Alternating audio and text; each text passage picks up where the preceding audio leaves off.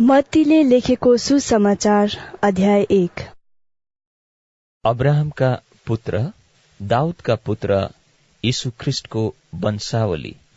Abraham इसाकका पिता थिए इसहाक याकुबका पिता थिए याकुब यहुदा र तिनका दाजुभाइहरूका पिता यहुदा फारेस र जाहेरका पिता थिए। तिनीहरूकी आमा तामार थिइन्। फारेस हेस्रोनका पिता हेस्रोन आरामका पिता आराम अमीनादाब का पिता अम्मीनादाब नहसोनका पिता नहसोन सलमोनका पिता सलमोन बोअजका पिता थिए तिनकी आमा राहाब थिइन् बोअज ओबेद का पिता थिए तिनकी आमा रुथ थिइन् ओबेद इसैका पिता इसै दाउद राजाका पिता थिए दाउद सोलोमनका पिता थिए। तिनकी आमा उरिया की पत्नी थिइन् सोलोमन रहबामका पिता रहबाम अबियाका पिता अबिया आशाका पिता।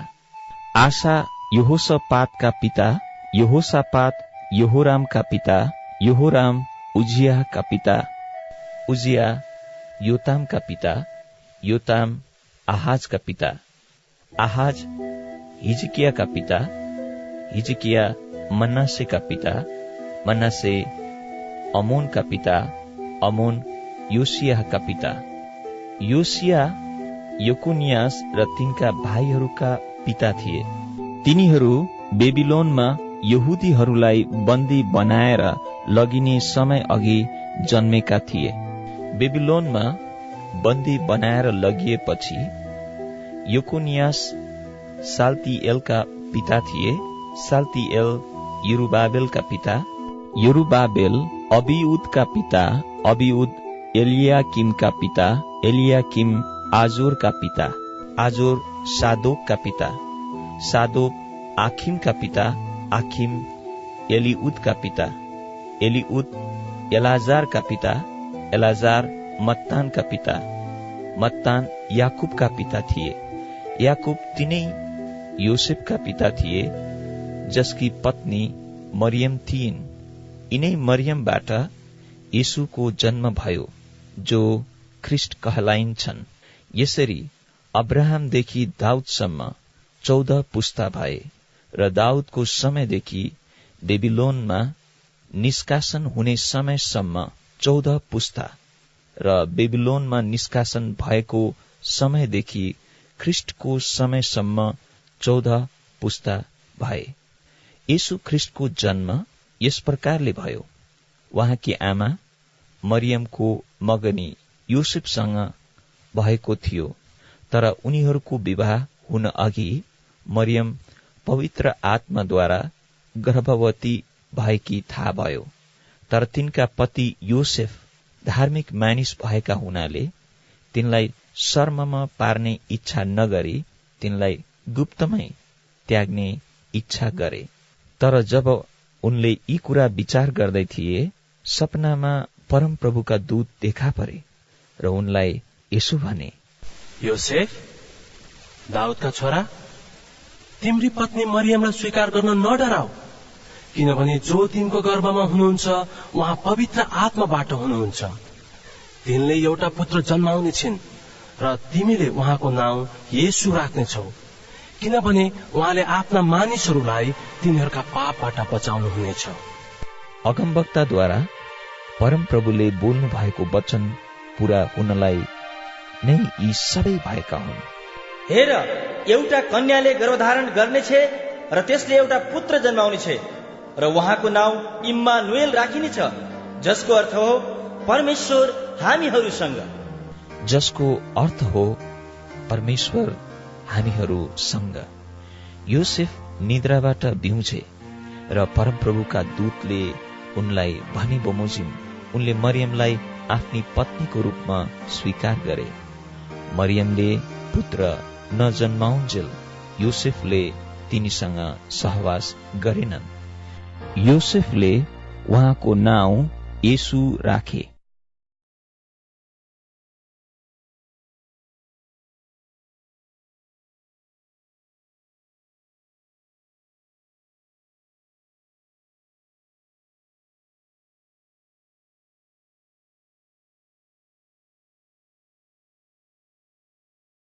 मत्ती अध्याय दुई। हेरोद राजाको समयमा यहुदियाको बेतेलहेममा जब यीशुको जन्म भयो पूर्वका ज्योतिषीहरू यरुसलेममा आइपुगे र तिनीहरूले भने यहुदीहरूका राजा भए जन्मने कहाँ हुनुहुन्छ? किनभने हामीले उहाँको तारा पूर्वमा देख्यौं र उहाँलाई दण्डवत गर्न आएका छौं। जब हेरोद राजाले यो सुने तिनी बेचैन भए र तिनीसँग सारा यरुसलेम पनि बेचैन भयो। अनि तिनले सबै मुख्य पुजारीहरू र जनताका शास्त्रीहरूलाई भेला गरे र ख्रिस्टको जन्म कहाँ हुने हो? भनी सोधपुछ गरे। तिनीहरूले तिनलाई भने यहुदियाको बेतलेहेममा। किनभने अगमवक्ताले लेखेका छन् ए बेथलेहेम यहुदा मुलुकको गाउँ त कुनै किसिमले यहुदाका शासकहरूका बीचमा कुनै भन्दा पनि तुच्छ छैनस् किनकि तबाट एउटा शासक निस्किआउनेछन् जसले मेरा मानिस इसरायलको हेरचाह गर्नेछ। तब हेरोदले ती ज्योतिषीहरूलाई गुप्तमा बोलाएर तारा कुन समय देखा परेको हो सो तिनीहरूबाट पत्ता लाए। तिनले तिनीहरूलाई यसो भनेर बेतेलहेममा पठाए। जाओ र ठिकसँग त्यस बालकको खोजी गर। तिनलाई भेटाएपछि मलाई खबर गर र म पनि तिनलाई दण्डवत गर्नेछु। तब राजाको कुरा सुनेर तिनीहरू आफ्ना बाटो लागे। जुन तारा तिनीहरूले पूर्वमा देखे थिए त्यो तारा तिनीहरूका अघि अघि गयो र बालक भएको ठाउँमा पुगेपछि त्यो तारा त्यही अडियो। जब तिनीहरूले त्यो तारा देखे तब तिनीहरू अति आनन्दित भएर रमाए।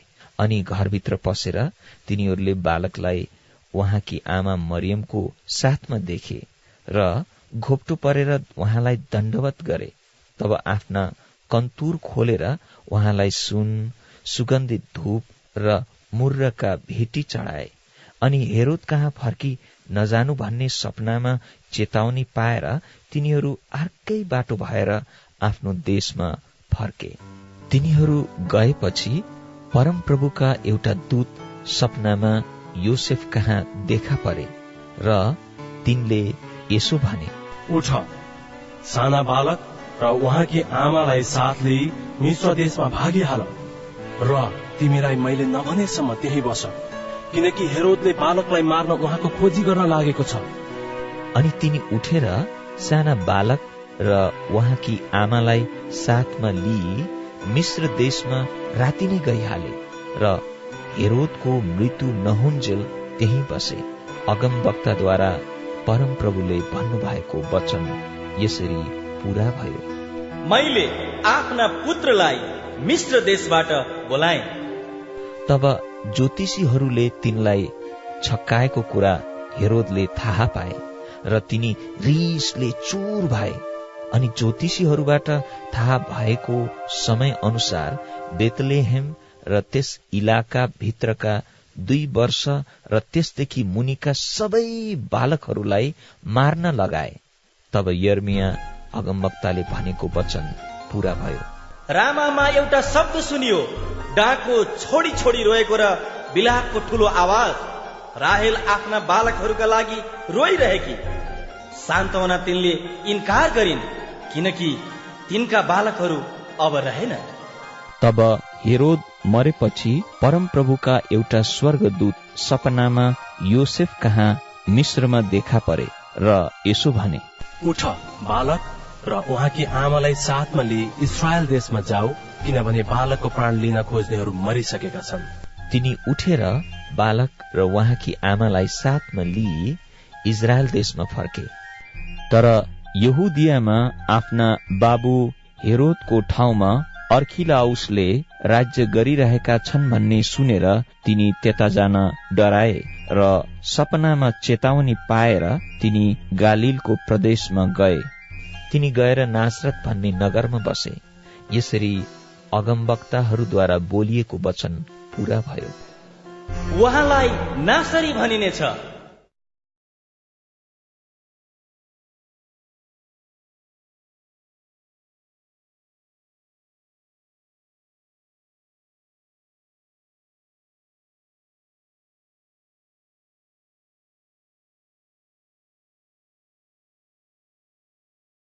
मत्ती अध्याय तीन।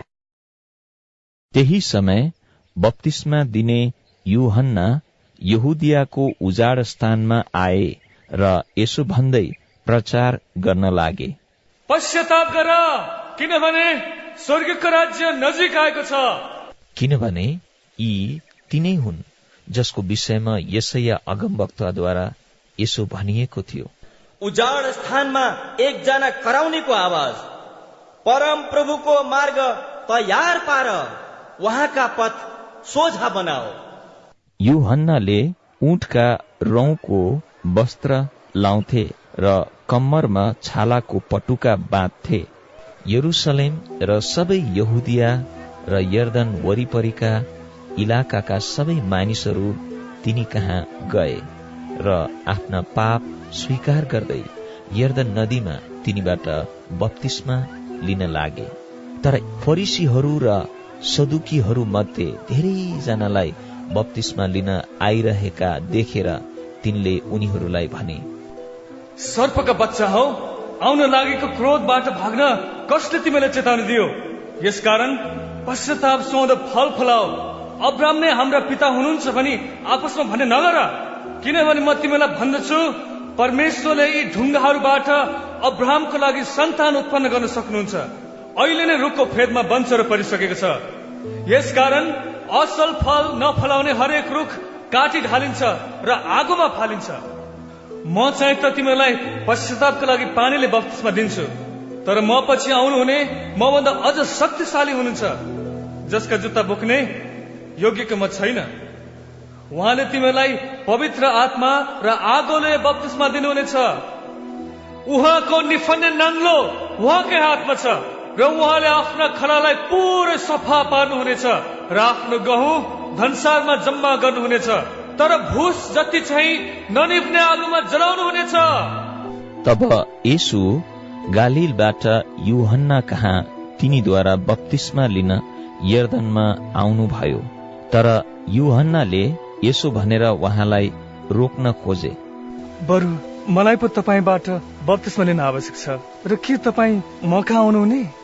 तर यीशुले तिनलाई भन्नुभयो अहिलेलाई यसै हुन देऊ किनभने यसरी नै हामीहरूले सबै धार्मिकता पूरा गर्नु पर्दछ तब यहुन्ना राजी भए अनि यसु बत्तिसमा लिएर तुरन्तै पानीबाट माथि निस्कनु भयो अनि स्वर्ग उग्रियो र उहाँले परमेश्वरका आत्मालाई ढुकुर झै ओर्लिरहनु भएको र आफू माथि आइरहनु भएको देख्नुभयो। तब स्वर्गबाट यो बाणी आयो। यिनी मेरा प्रिय पुत्र हुन् यिनीसँग म अति प्रसन्न छु।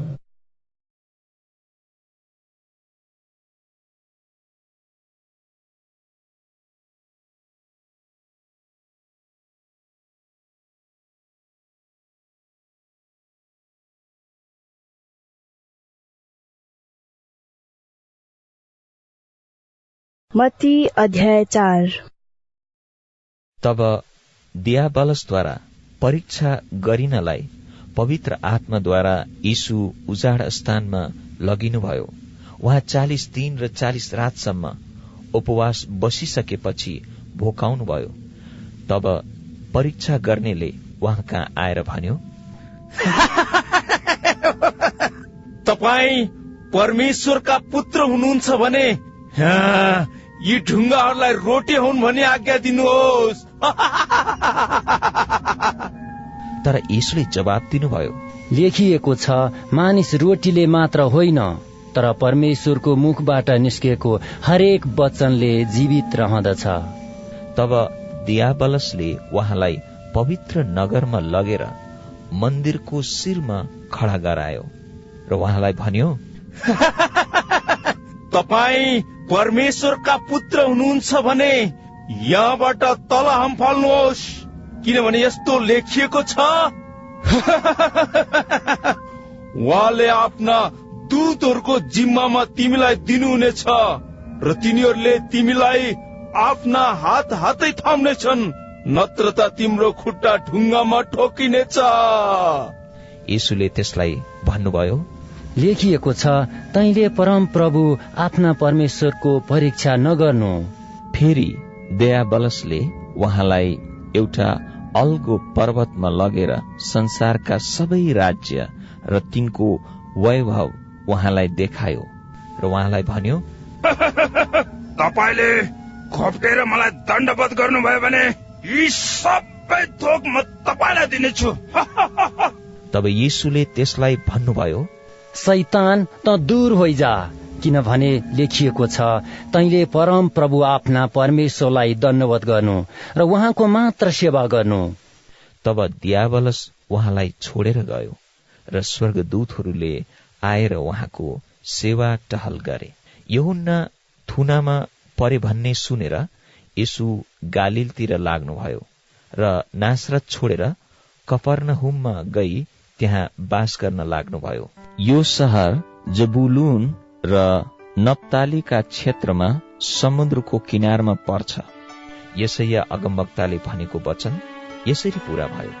जबुलुनको मुलुक र नप्तालीको मुलुक यर्दन पार समुद्रतिर अन्य जातिहरूको गालिल अन्धकारमा बस्ने मानिसहरूले एउटा ठुलो ज्योति देखेका छन्। मृत्युका छायाको देशमा बस्नेहरूमाथि एउटा ज्योति उदाएको छ। त्यस बेलादेखि प्रचार गर्दै यीशुले भन्न लाग्नुभयो पश्चाताप गर किनभने स्वर्गको राज्य नजिक आइपुगेको छ। गालिल समुद्रको किनारमा हिँड्नुहुँदा उहाँले पत्रुस भन्ने सिमोन र तिनका भाइ अन्द्रियास दुवै भाइलाई समुद्रमा जाल हानिरहेका देख्नुभयो। तिनीहरू मछुवा थिए। उहाँले तिनीहरूलाई भन्नुभयो मेरो पछि लाग र म तिमीहरूलाई मानिसहरूका मछुवा तुल्याउनेछु। तब उत्तिखेरै जालहरू छोडेर तिनीहरू उहाँको पछि लागे। त्यहाँबाट जाँदा जाँदै उहाँले अर्का दुई भाइ जप्तियाका छोराहरू याकुब र तिनका भाइ युहन्नालाई तिनीहरूका बाबु जप्तियासँग डुङ्गामा आफ्ना जाल तुनिरहेका देख्नुभयो र उहाँले तिनीहरूलाई बोलाउनु भयो तब उत्तिखेरै डुङ्गा र तिनीहरूका बाबुलाई छोडेर तिनीहरू उहाँको पछि लागे अनि यसु तिनीहरूका सभागारहरूमा सिकाउँदै राज्यको सुसमाचार प्रचार गर्दै र मानिसहरूमा भएका हरेक किसिमका रोग र शारीरिक दुर्बलता निको पार्दै सारा गालिल भरि घुम्नुभयो उहाँको कीर्ति सिरियाभरि फिन्जियो र बिरामीहरू अर्थात् विभिन्न प्रकारका रोग र पीडाले सताइएका भूत लागेका र छारे रोग लागेका र पक्षाघात भएकाहरू सबैलाई मानिसहरूले उहाँ कहाँ ल्याए? उहाँले तिनीहरूलाई निको पार्नुभयो। अनि गालिल डेकापोलिस यरुसलेम यहुदिया र यर्दन पारीदेखिका ठूला भीड़हरू उहाँको पछि लागे।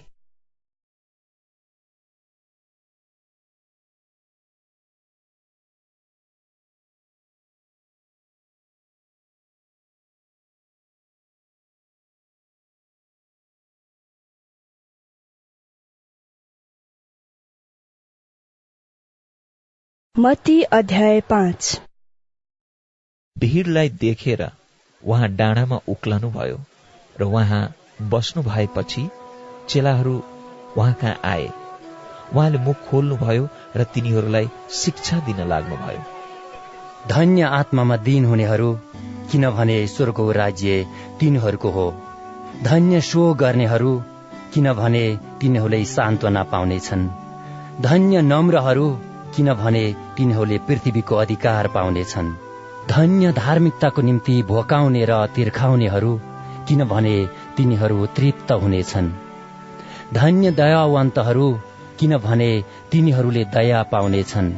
धन्य शुद्ध हृदय हुनेहरू किनभने तिनीहरूले परमेश्वरलाई देख्नेछन्। धन्य मेलमिलाप गराउनेहरू किनभने तिनीहरू परमेश्वरका छोराहरू कहलाइनेछन्।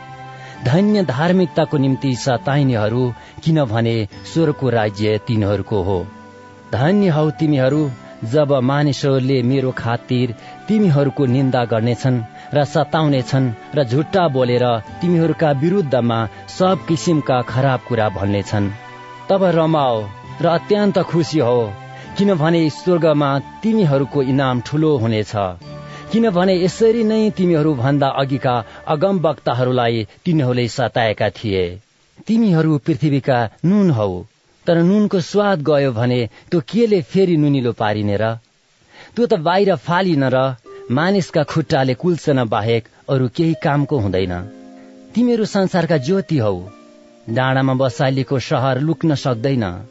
मानिसहरूले बत्ती बालेर पाथीले त छोप्दैनन् तर सामदानमा राख्दछन्। र घरमा हुने सबैको निम्ति त्यसले उज्यालो दिन्छ। यसरी नै तिमीहरूको ज्योति मानिसहरूका सामुने चम्कोस् र तिनीहरूले तिमीहरूका सुकर्म देखुन् र स्वर्गमा हुनुहुने तिमीहरूका पिताको महिमा गरून्। व्यवस्था अथवा अगमवक्ताहरूलाई रद्द गर्न म आएको भन्ने नसम्झ म ती रद्द गर्न होइन तर पूरा गर्न आए। किनभने साँच्चै म तिमीहरूलाई भन्दछु जबसम्म स्वर्ग र पृथ्वी टलेर जाँदैन तबसम्म सबै कुरा पूर्ण नभई कुनै किसिमले व्यवस्थाबाट एउटा मात्रा वा एउटा बिन्दु टल्ने छैन। यसै कारण जसले यी आज्ञाहरूमध्ये सबैभन्दा सानोलाई उल्लङ्घन गर्ला र मानिसहरूलाई त्यसै गर्न सिकाउला। स्वर्गको राज्यमा त्यो सबैभन्दा सानो कहलाइनेछ तर जसले ती आज्ञाहरू पालन गर्ला र सिकाउला स्वर्गको राज्यमा त्यो ठूलो कहलाइनेछ किनभने म तिमीहरूलाई भन्दछु तिमीहरूको धार्मिकता शास्त्री र फरेसीहरूको भन्दा बढी भएन भने तिमीहरू कुनै रीतिले स्वर्गको राज्यमा प्रवेश गर्ने छैनौ। तिमीहरूले सुनेका छौ प्राचीन समयका मानिसहरूलाई यसो भनिएको थियो तैले हत्या नगर्नु। र जसले हत्या गर्छ त्यो दण्डको योग्य हुनेछ। तर म तिमीहरूलाई भन्दछु जो कोही आफ्नो भाइसँग क्रोध गर्दछ त्यो दण्डको योग्य हुनेछ। र जसले आफ्नो भाइको अपमान गर्दछ त्यो महासभामा जवाफदेही हुनेछ। तर जसले आफ्नो भाइलाई त मूर्ख भन्छ त्यो नरकको आगोमा पर्ने जोखिममा हुनेछ। यसकारण तिमीले वेदीमा आफ्नो भेटी चढाउँदा तिम्रो भाइको हृदयमा तिम्रो विरुद्धमा केही छ भने तिमीलाई याद भयो भने तिम्रो भेटी त्यही वेदीको सामु छोड र जाऊ। पहिले आफ्नो भाइसँग मिलाप गर र त्यसपछि आएर आफ्नो भेटी चढाऊ। तिम्रो वादीसँग अदालतमा जाँदा बाटोमै मिलाप गरिहाल। नत्र त वादीले तिमीलाई न्यायाधीशको हातमा सुम्पिदेला र न्यायाधीशले अफिसरको हातमा सुम्पिदेलान् र तिमी झ्यालखानमा पर्नेछौ साँच्चै म तिमीहरूलाई भन्दछु। तिमीले एक एक पैसा चुक्ता नगुरुन्जेल तिमी त्यहाँबाट उम्कने छैनौ। तिमीहरूले यसो भनेको सुनेका छौ तैले बेविचार नगर। तर म तिमीहरूलाई भन्दछु जसले कोही स्त्रीलाई काम बासनाको इच्छाले हेर्दछ त्यसले अघिबाटै आफ्नो हृदयमा त्यससँग बेविचार गरिसकेको हुन्छ। यदि तिम्रो दाहिने आँखाले तिमीलाई पाप गर्न लाउँछ भने त्यसलाई निकालेर फालिदेऊ किनभने तिम्रो सम्पूर्ण शरीर नरकमा फालिनु भन्दा बरु तिम्रा अङ्गहरू मध्ये एउटा गुमाउनु तिम्रो निम्ति हितकारी हुन्छ। तिम्रो दाहिने हातले तिमीलाई पाप गर्न लाउँछ भने त्यसलाई काटेर फालिदेऊ। किनभने तिम्रो सम्पूर्ण शरीर नरकमा जानुभन्दा बरु तिम्रा अङ्गहरू मध्ये एउटा गुमाउनु तिम्रो निम्ति हितकारी हुन्छ। यसो पनि भनिएको छ कि जसले आफ्नो पत्नीलाई त्याग गर्छ त्यसले उसलाई त्याग पत्र लेखिदियोस्। तर म तिमीहरूलाई भन्दछु जसले आफ्नी पत्नीलाई बेविचारको कारण बाहेक अरू कारणले त्याग गर्ला त्यसले उसलाई बेविचारी नै तुल्याउँछ र जसले त्याग गरेकी श्रीसँग विवाह गर्ला त्यसले व्यविचार गर्नेछ। फेरि तिमीहरूले सुनेका छौ कि प्राचीन समयका मानिसहरूलाई भनिएको थियो तैले झुटो शपथ नखा। तर परम प्रभुको निम्ति गरिएको शपथ तैले पूरा गर। तर म तिमीहरूलाई भन्दछु शपथ खाँदै नखाओ। स्वर्गको नाममा शपथ नखाओ किनकि त्यो परमेश्वरको सिंहासन हो। न त पृथ्वीको किनकि त्यो उहाँको पाहुदान हो। न त एरुसलेमको किनकि त्यो महाराजाको सहर हो। आफ्नो शिरको शपथ नखाऊ किनकि तिमीले एउटा केसलाई सेतो के कालो बनाउन सक्दैनौ। तिमीहरूले भनेको वचन चाहिँ हो भने हो होइन भने होइन मात्र होस्। यी भन्दा बढी चाहिँ दुष्टताबाट आउँदछ। तिमीहरूले सुनेका छौ यसो भनिएको थियो आँखाको बदला आँखा र दाँतको बदला दाँत। तर म तिमीहरूलाई भन्दछु दुष्टको मुकाबिला नगर। जसले तिम्रो दाहिने गाला चड्काउला त्यसलाई अर्को गाला पनि थापिदेऊ। यदि कोही मानिसले मुद्दा चलाएर तिम्रो दौरा लिने दावी गर्छ भने त्यसलाई तिम्रो खास्टो पनि दिइहाल। यदि कसैले तिमीलाई एक किलोमिटर जान बाध्य गर्छ भने उसँग दुई किलोमिटर गइदेऊ। तिमीसँग माग्नेलाई देऊ र तिमीसँग कर्जा लिन चाहनेलाई इन्कार नगर। तिमीहरूले यसो भनेको सुनेका छौ। तिम्रो छिमेकीलाई प्रेम गर र तिम्रो शत्रुलाई घृणा गर। तर म तिमीहरूलाई भन्दछु आफ्ना शत्रुलाई प्रेम गर र तिमीहरूलाई सताउनेहरूका निम्ति प्रार्थना गर। र तिमीहरू स्वर्गमा हुनुहुने आफ्ना पिताका छोराहरू हुनेछौ। उहाँले दुष्ट र सज्जन दुवैलाई सूर्यको ताप दिनुहुन्छ र धर्मी र पापी दुवैलाई दृष्टि दिनुहुन्छ। किनभने यदि तिमीहरूसँग प्रेम गर्नेहरूलाई मात्र प्रेम गर्दछौ भने तिमीहरूलाई के इनाम छ? के महसुल उठाउनेहरूले पनि त्यसै गर्दैनन् र? तिमीहरूले आफ्ना दाजु भाइहरूलाई मात्र अभिवादन गर्छौ भने अरूहरूले भन्दा बढी के गर्यौ र? के अन्य जातिहरूले पनि त्यसै गर्दैनन् र? यसकारण जस्तो तिमीहरूका स्वर्गमा हुनुहुने पिता सिद्ध हुनुहुन्छ तिमीहरू पनि त्यस्तै सिद्ध हुनु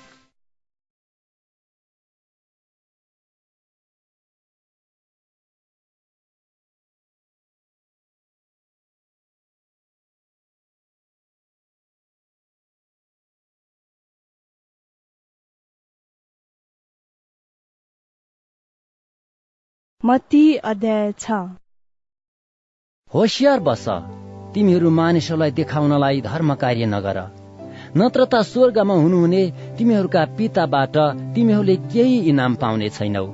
यसकारण जब तिमीहरू दान दिन्छौ तब आफ्ना सामु तुरही नबजाओ जस्तो पाखण्डीहरूले सभाघरहरू र सड़कहरूमा मानिसहरूबाट प्रशंसा पाउनलाई गर्दछन्। साँच्चै म तिमीहरूलाई भन्दछु तिनीहरूले आफ्ना इनाम पाइसकेका छन्। तर जब तिमी दान दिँदछौ तिम्रो दाहिने हातले के गरिरहेछ सो देब्रे हातले थाहा नपाओस्। तिम्रो दान गुप्तमा होस् र गुप्तमा देख्नुहुने तिम्रा पिताले तिमीलाई इनाम दिनुहुनेछ। जब तिमी प्रार्थना गर्दछौ तब पाखण्डीहरू जस्ता नहौ किनकि तिनीहरू सभाघरहरूमा र सड़कहरूका कुनामा मानिसहरूले देखुन् भनी खडा भएर प्रार्थना गर्न मन गर्दछन्। साँच्चै म तिमीहरूलाई भन्दछु तिनीहरूले आफ्नो इनाम पाइसकेका छन्। तर तिमी जब प्रार्थना गर्दछौ आफ्नो भित्री कोठामा पस र ढोका थुनेर गुप्तमा हुनुहुने तिम्रा पितालाई प्रार्थना गर र गुप्तमा देख्नुहुने तिम्रा पिताले तिमीलाई इनाम दिनुहुनेछ र प्रार्थना गर्दा अन्य जातिहरू जस्ता व्यर्थै नबरबराओ। किनभने धेरै शब्दमा बोल्दा तिनीहरूको सुनाइ हुन्छ भन्ने तिनीहरू विचार गर्दछन्। यसकारण तिनीहरू जस्ता नहौ किनभने तिमीहरूले उहाँसँग माग्न भन्दा अघिबाटै तिमीहरूलाई कुन कुन कुराको खाँचो छ सो तिमीहरूका पिता जान्नुहुन्छ। तर तिमीहरू चाहिँ यस किसिमले प्रार्थना गर। हे हाम्रा पिता जो स्वर्गमा हुनुहुन्छ तपाईँको नाउँ पवित्र होस्। तपाईँको राज्य आओस्। तपाईँको इच्छा स्वर्गमा जस्तो छ त्यस्तै यस पृथ्वीमा पूरा होस्। हामीलाई आज हाम्रो दैनिक भोजन दिनुहोस्। हाम्रा अपराध क्षमा गर्नुहोस् जसरी हामीले आफ्ना अपराधीहरूलाई क्षमा गरेका छौँ। हामीलाई परीक्षामा पर्न नदिनुहोस् तर दुष्टबाट छुट्याउनुहोस् किनभने राज्य पराक्रम र महिमा सदा सर्वदा तपाईँकै हुन्। आमिन। किनकि तिमीहरूले मानिसहरूका अपराध क्षमा गर्यो भने तिमीहरूका स्वर्गमा हुनुहुने पिताले पनि तिमीहरूलाई क्षमा गर्नुहुनेछ। तर तिमीहरूले मानिसहरूका अपराध क्षमा गरेनौ भने तिमीहरूका पिताले तिमीहरूका अपराध क्षमा गर्नुहुने छैन। जब तिमीहरू उपवास बस्दछौ तब पाखण्डीहरू जस्ता उदासी चेहरा नदेखाओ किनकि मानिसहरूलाई उपवास बसेका देखाउनलाई तिनीहरू आफ्ना मोहडा अँध्यारा पार्छन्। साँच्चै म तिमीहरूलाई भन्दछु तिनीहरूले आफ्ना इनाम पाइसकेका छन्। तर तिमी चाहिँ उपवास बस्दा आफ्नो शिरमा तेल लगाऊ र आफ्नो मुख धोऊ र तिम्रो उपवास मानिसहरूले होइन तर गुप्तमा हुनुहुने तिम्रा पिताले देखुन्। र गुप्तमा देख्नुहुने तिम्रा पिताले तिमीलाई इनाम दिनुहुनेछ। आफ्नो निम्ति पृथ्वीमा धन सम्पत्ति नथुपार जहाँ किरा र खियाले ती नष्ट पार्छन् र जहाँ चोरहरूले घर फोरेर ती चोर्छन् तर आफ्नो निम्ति स्वर्गमा धन सम्पत्ति थुपार जहाँ किराले वा खियाले नष्ट पार्दैन र चोरले पनि चोर्दैन। किनकि जहाँ तिम्रो धन हुन्छ त्यही तिम्रो मन पनि हुन्छ। आँखा शरीरको बत्ती हो। यसकारण यदि तिम्रा आँखा स्वस्थ छन् भने तिम्रो सारा शरीर उज्यालो हुनेछ। तर तिम्रा आँखा खराब छन् भने तिम्रो सारा शरीर अँध्यारो हुनेछ। यसकारण तिमी भित्र भएको उज्यालो चाहिँ अँध्यारो भयो भने त्यो अँध्यारो कस्तो घोर हुन्छ। कसैले दुई मालिकको सेवा गर्न सक्दैन। किनभने त्यसले एउटालाई घृणा गर्नेछ र अर्कालाई प्रेम गर्नेछ अथवा त्यसले एउटा प्रति भक्ति राख्नेछ र अर्कालाई त्यसले तुच्छ ठान्नेछ। तिमीहरूले परमेश्वर र धनको सेवा गर्न सक्दैनौ। यसै कारण म तिमीहरूलाई भन्दछु के खाउला के पिउला भनी आफ्नो प्राणको निम्ति र के लगाउला भनी आफ्नो शरीरको निम्ति फिक्री नगर। के जीवन खानेकुरा भन्दा र शरीर लुगाफाटा भन्दा उत्तम होइन? आकाशका चराचुरुङ्गीलाई हेर।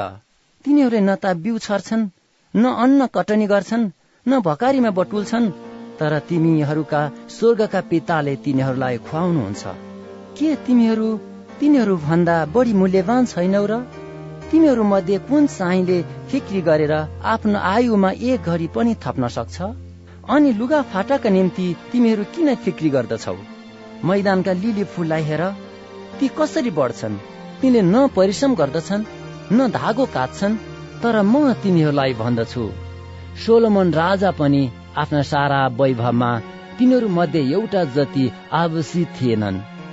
आज हुने र भोलि अगेनोमा फालिने घाँसलाई परमेश्वरले यसरी पहिर्याउनुहुन्छ भने ए अल्पविश्वासी हो के तिमीहरूलाई झन बढी उहाँले पहिर्याउनु हुने छैन र? यसकारण के खाउला कि के पिउला कि के पहिरौला भनेर फिक्री नगर। किनकि अन्य जातिहरूले यी सब थोक खोज्दछन्। र तिमीहरूका स्वर्गमा हुनुहुने पिताले तिमीहरूलाई यी सबै थोकको खाँचो छ भनी जान्नुहुन्छ। तर पहिले उहाँको राज्य र उहाँका धार्मिकताको खोजी गर।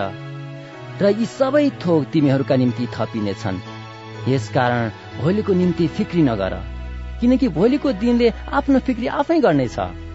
आजको दुःख आजको निम्ति पर्याप्त छ।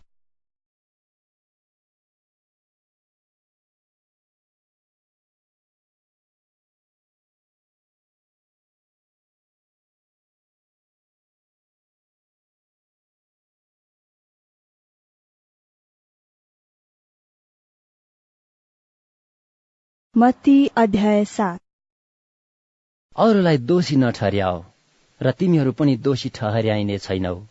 किनभने जसरी तिमीहरू अरूहरूलाई दोषी ठहर्याउँछौ त्यसरी नै तिमीहरू पनि दोषी ठहर्याइने छौ जुन नापले तिमीहरू नाप्दछौ त्यसै गरी तिमीहरूका निम्ति पनि नापिनेछ। किन तिमी आफ्नो भाइको आँखामा भएको धुलोको कण देख्दछौ तर तिम्रो आफ्नै आँखामा भएको मुडा चाहिँ थाहा पाउँदैनौ? अथवा तिम्रो आफ्नै आँखामा मुडा छ भने कसरी तिमी तिम्रो भाइलाई भन्न सक्छौ? मलाई तिम्रो आँखाबाट धुलोको कण निकाल्न देऊ। ए पाखण्डी पहिले आफ्नै आँखाबाट मुडा निकाल तब तिम्रो भाइको आँखाबाट धुलोको कण निकाल्नलाई तिमी सफासँग देख्न सक्नेछौ। जे पवित्र छ सो कुकुरहरूलाई नदेऊ। आफ्ना मोतीहरू सुँगुरका अगाडि नफाल नत्र त तिनले आफ्ना खुट्टाले तिनलाई कुल्चलान् र फर्की तिमीहरूलाई हमला गर्लान्। माग त तिमीहरूलाई दिइनेछ खोज त तिमीहरूले भेट्टाउनेछौ। ढकढक्याओ त तिमीहरूका निम्ति उघारिनेछ। किनकि जसले माग्छ त्यसले पाउँछ। जसले खोज्छ त्यसले भेट्टाउँछ। जसले ढकढक्याउँछ त्यसको निम्ति ढोका उघारिनेछ। तिमीहरू मध्ये कुन मानिस होला जसको छोराले रोटी माग्दा त्यसलाई ढुङ्गा देला कि माछा माग्दा त्यसलाई साप देला। यसकारण तिमीहरू दुष्ट भएर आफ्ना छोरा छोरीहरूलाई असल चिज दिन जान्दछौ भने स्वर्गमा हुनुहुने तिमीहरूका पिताले उहाँसित माग्नेहरूलाई कति बढी गरेर असल चिज दिनुहुनेछ। मानिसहरूले तिमीहरूसँग जस्तो व्यवहार गरून् भने तिमीहरू चाहन्छौ तिमीहरूले पनि तिनीहरूसँग त्यस्तै व्यवहार गर किनभने यही नै व्यवस्था र अगमवक्ताका शिक्षाको सारांश हो। साँगुरो ढोकाबाट भित्र पस किनभने विनाशमा पुर्याउने ढोका फराकिलो र बाटो सजिलो हुन्छ। र यसबाट भित्र पस्नेहरू धेरै हुन्छन् किनभने जीवनमा पुर्याउने ढोका साँगुरो हुन्छ र बाटो कठिन हुन्छ जसले चाहिँ जीवनमा पुर्याउँछ र त्यो भेट्टाउने थोरै नै हुन्छन्।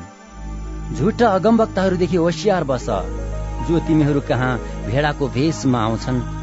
तर भित्रपट्टि चाहिँ डरलाग्दा बुवासहरू जस्ता हुन्छन्। तिनीहरूका फलबाट तिमीहरूले तिनीहरूलाई चिन्नेछौ।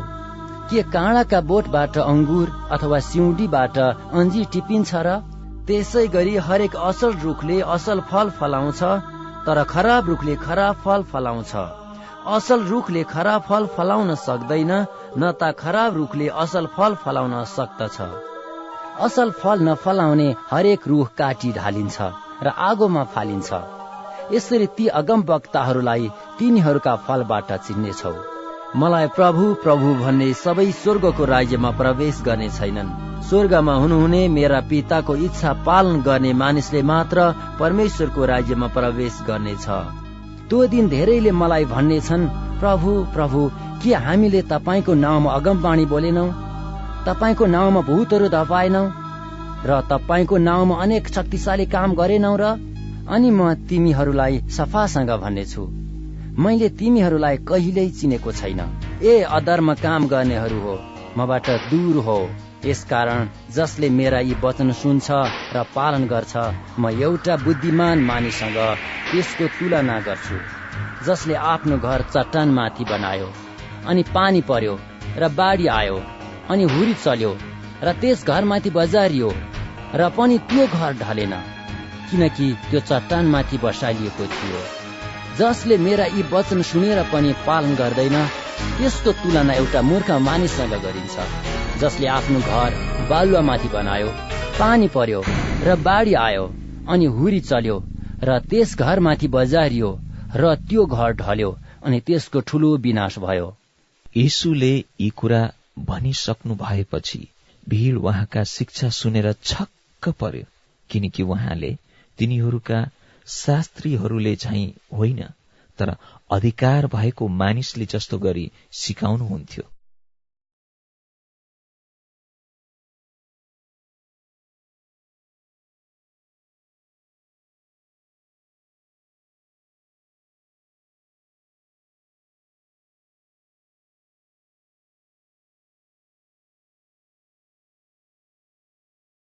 मत्ती अध्याय आठ। उहाँ डाँडाबाट ओर्लनु भएपछि ठूलो भीड़ उहाँको पछि लाग्यो। एकजना कुष्ठरोगी उहाँ कहाँ आयो र उहाँको अघि घोडा टेकी यसो भन्यो हे प्रभु तपाईँको इच्छा भए मलाई निको पार्न सक्नुहुन्छ।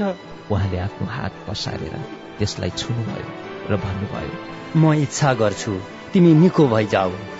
तुरुन्तै त्यसको कुष्ठरोग निको भइगयो। तब येसुले त्यसलाई भन्नुभयो कसैलाई नभन्नु तर जाऊ र आफूलाई पूजाहारी कहाँ देखाऊ र मोसाले आज्ञा गरेको भेटी चढाऊ र मानिसहरूलाई प्रमाण होस्।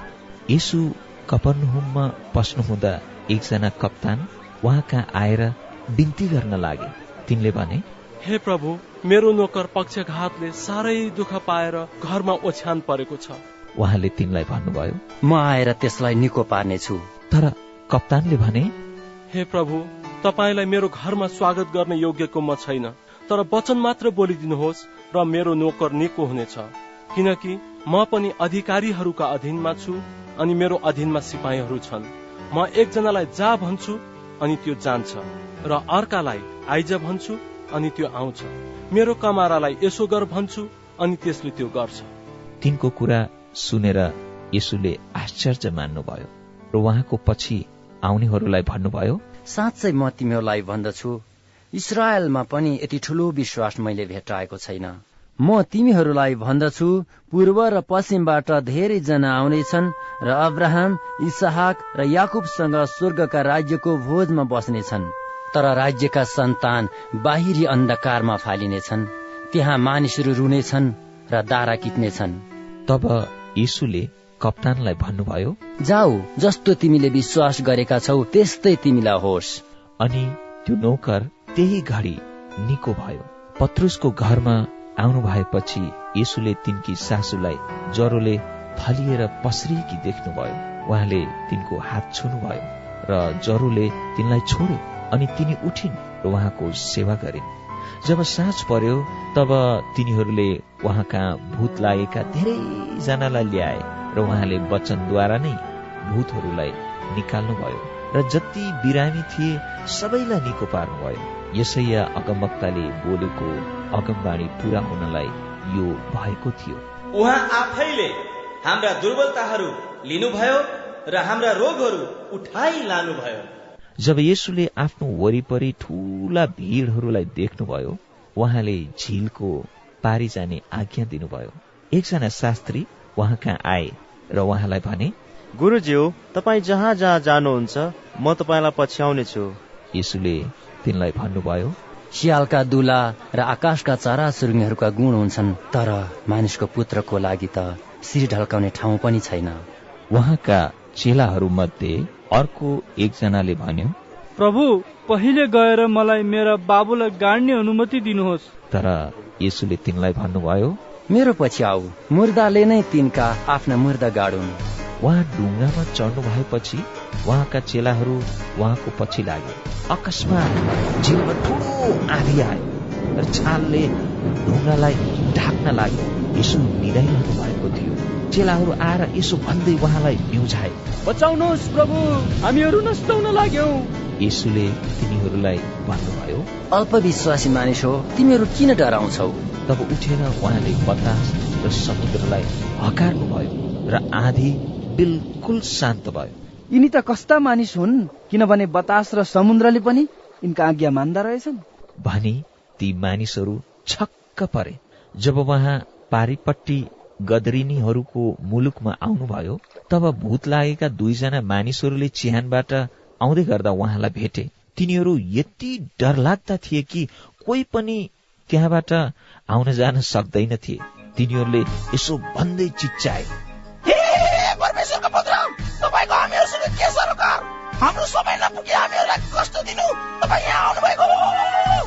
तिनीहरूदेखि केही टाढामा धेरै सुँगुरको एक बथान चरिरहेको थियो।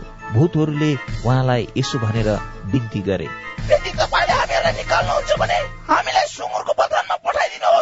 अनि उहाँले तिनीहरूलाई भन्नुभयो जाऊ तब तिनीहरू निस्केर सुँगुरहरूमा पसे र सुँगुरको जम्मै बथान घुर्दै भिरबाट खसेर पानीमा डुबी मरे। सुँगुर चराउनेहरू भागे र सहरमा गएर सबै कुरा र ती भूत लागेकाहरूलाई के भयो सो सुनाइदिए। तब जम्मै सहर नै यसोलाई भेट गर्न उल्टेर आयो र उहाँलाई देखेर मानिसहरूले तिनीहरूको इलाकाबाट जानुहोस् भनी उहाँलाई बिन्ती गरे।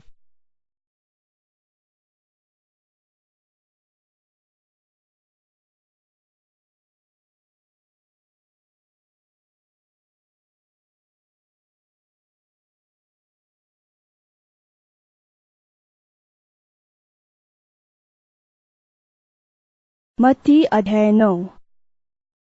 त्यसपछि यसु ढुङ्गामा चढेर पारी जानुभयो र उहाँको आफ्नो सहरमा आउनुभयो।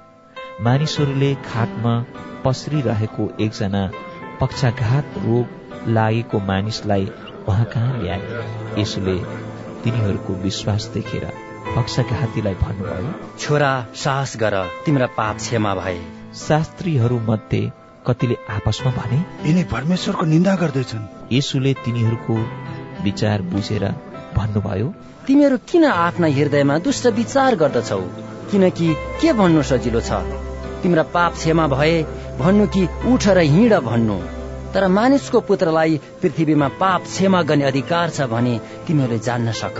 तब उहाँले त्यस पक्षघातीलाई भन्नुभयो उठ तिम्रो खाट बोक र घर जाऊ। अनि त्यो उठ्यो। र आफ्नो घरतिर लाग्यो।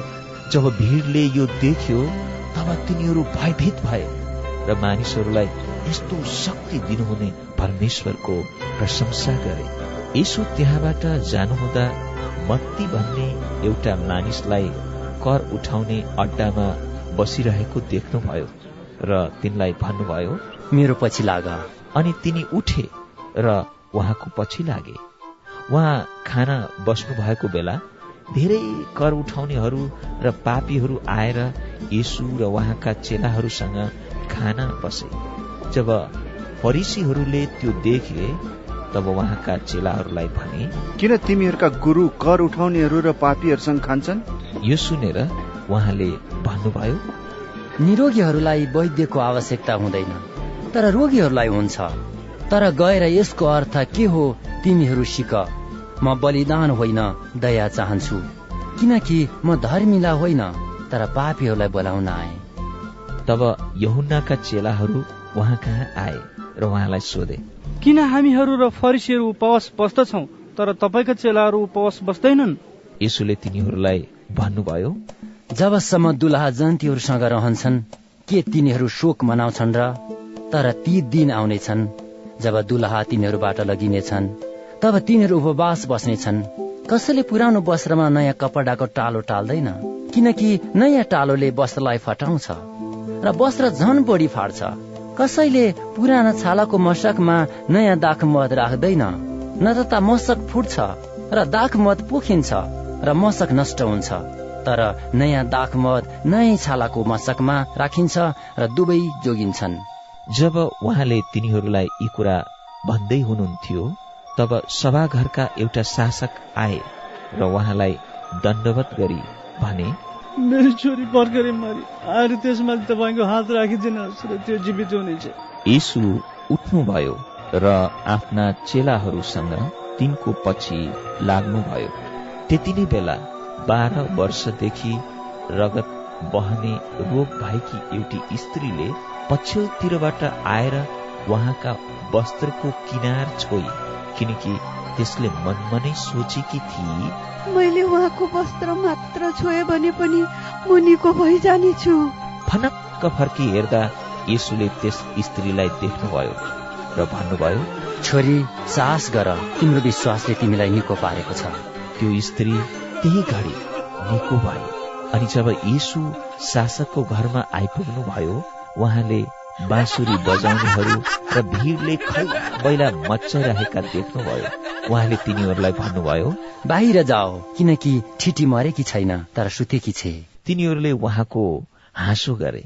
भिडलाई बाहिर निकाल्नु भएपछि उहाँ भित्र पस्नुभयो र त्यस ठिटीको हात समात्नु भयो अनि त्यो ठिटी जुरुक्क उठी तब यस कुराको कीर्ति त्यस मुलुकभरि फिजियो। यीशु त्यहाँबाट जानुहुँदा दुईजना अन्धाहरू? हे दाउदका पुत्र हामी माथि दया गर्नुहोस्। भनी कराउँदै उहाँको पछि पछि लागे। उहाँ घरमा पस्नु भएपछि ती अन्धा मानिसहरू उहाँ कहाँ आए? यसोले तिनीहरूलाई भन्नुभयो म यो गर्न सक्छु भने के तिमीहरू विश्वास गर्दछौ?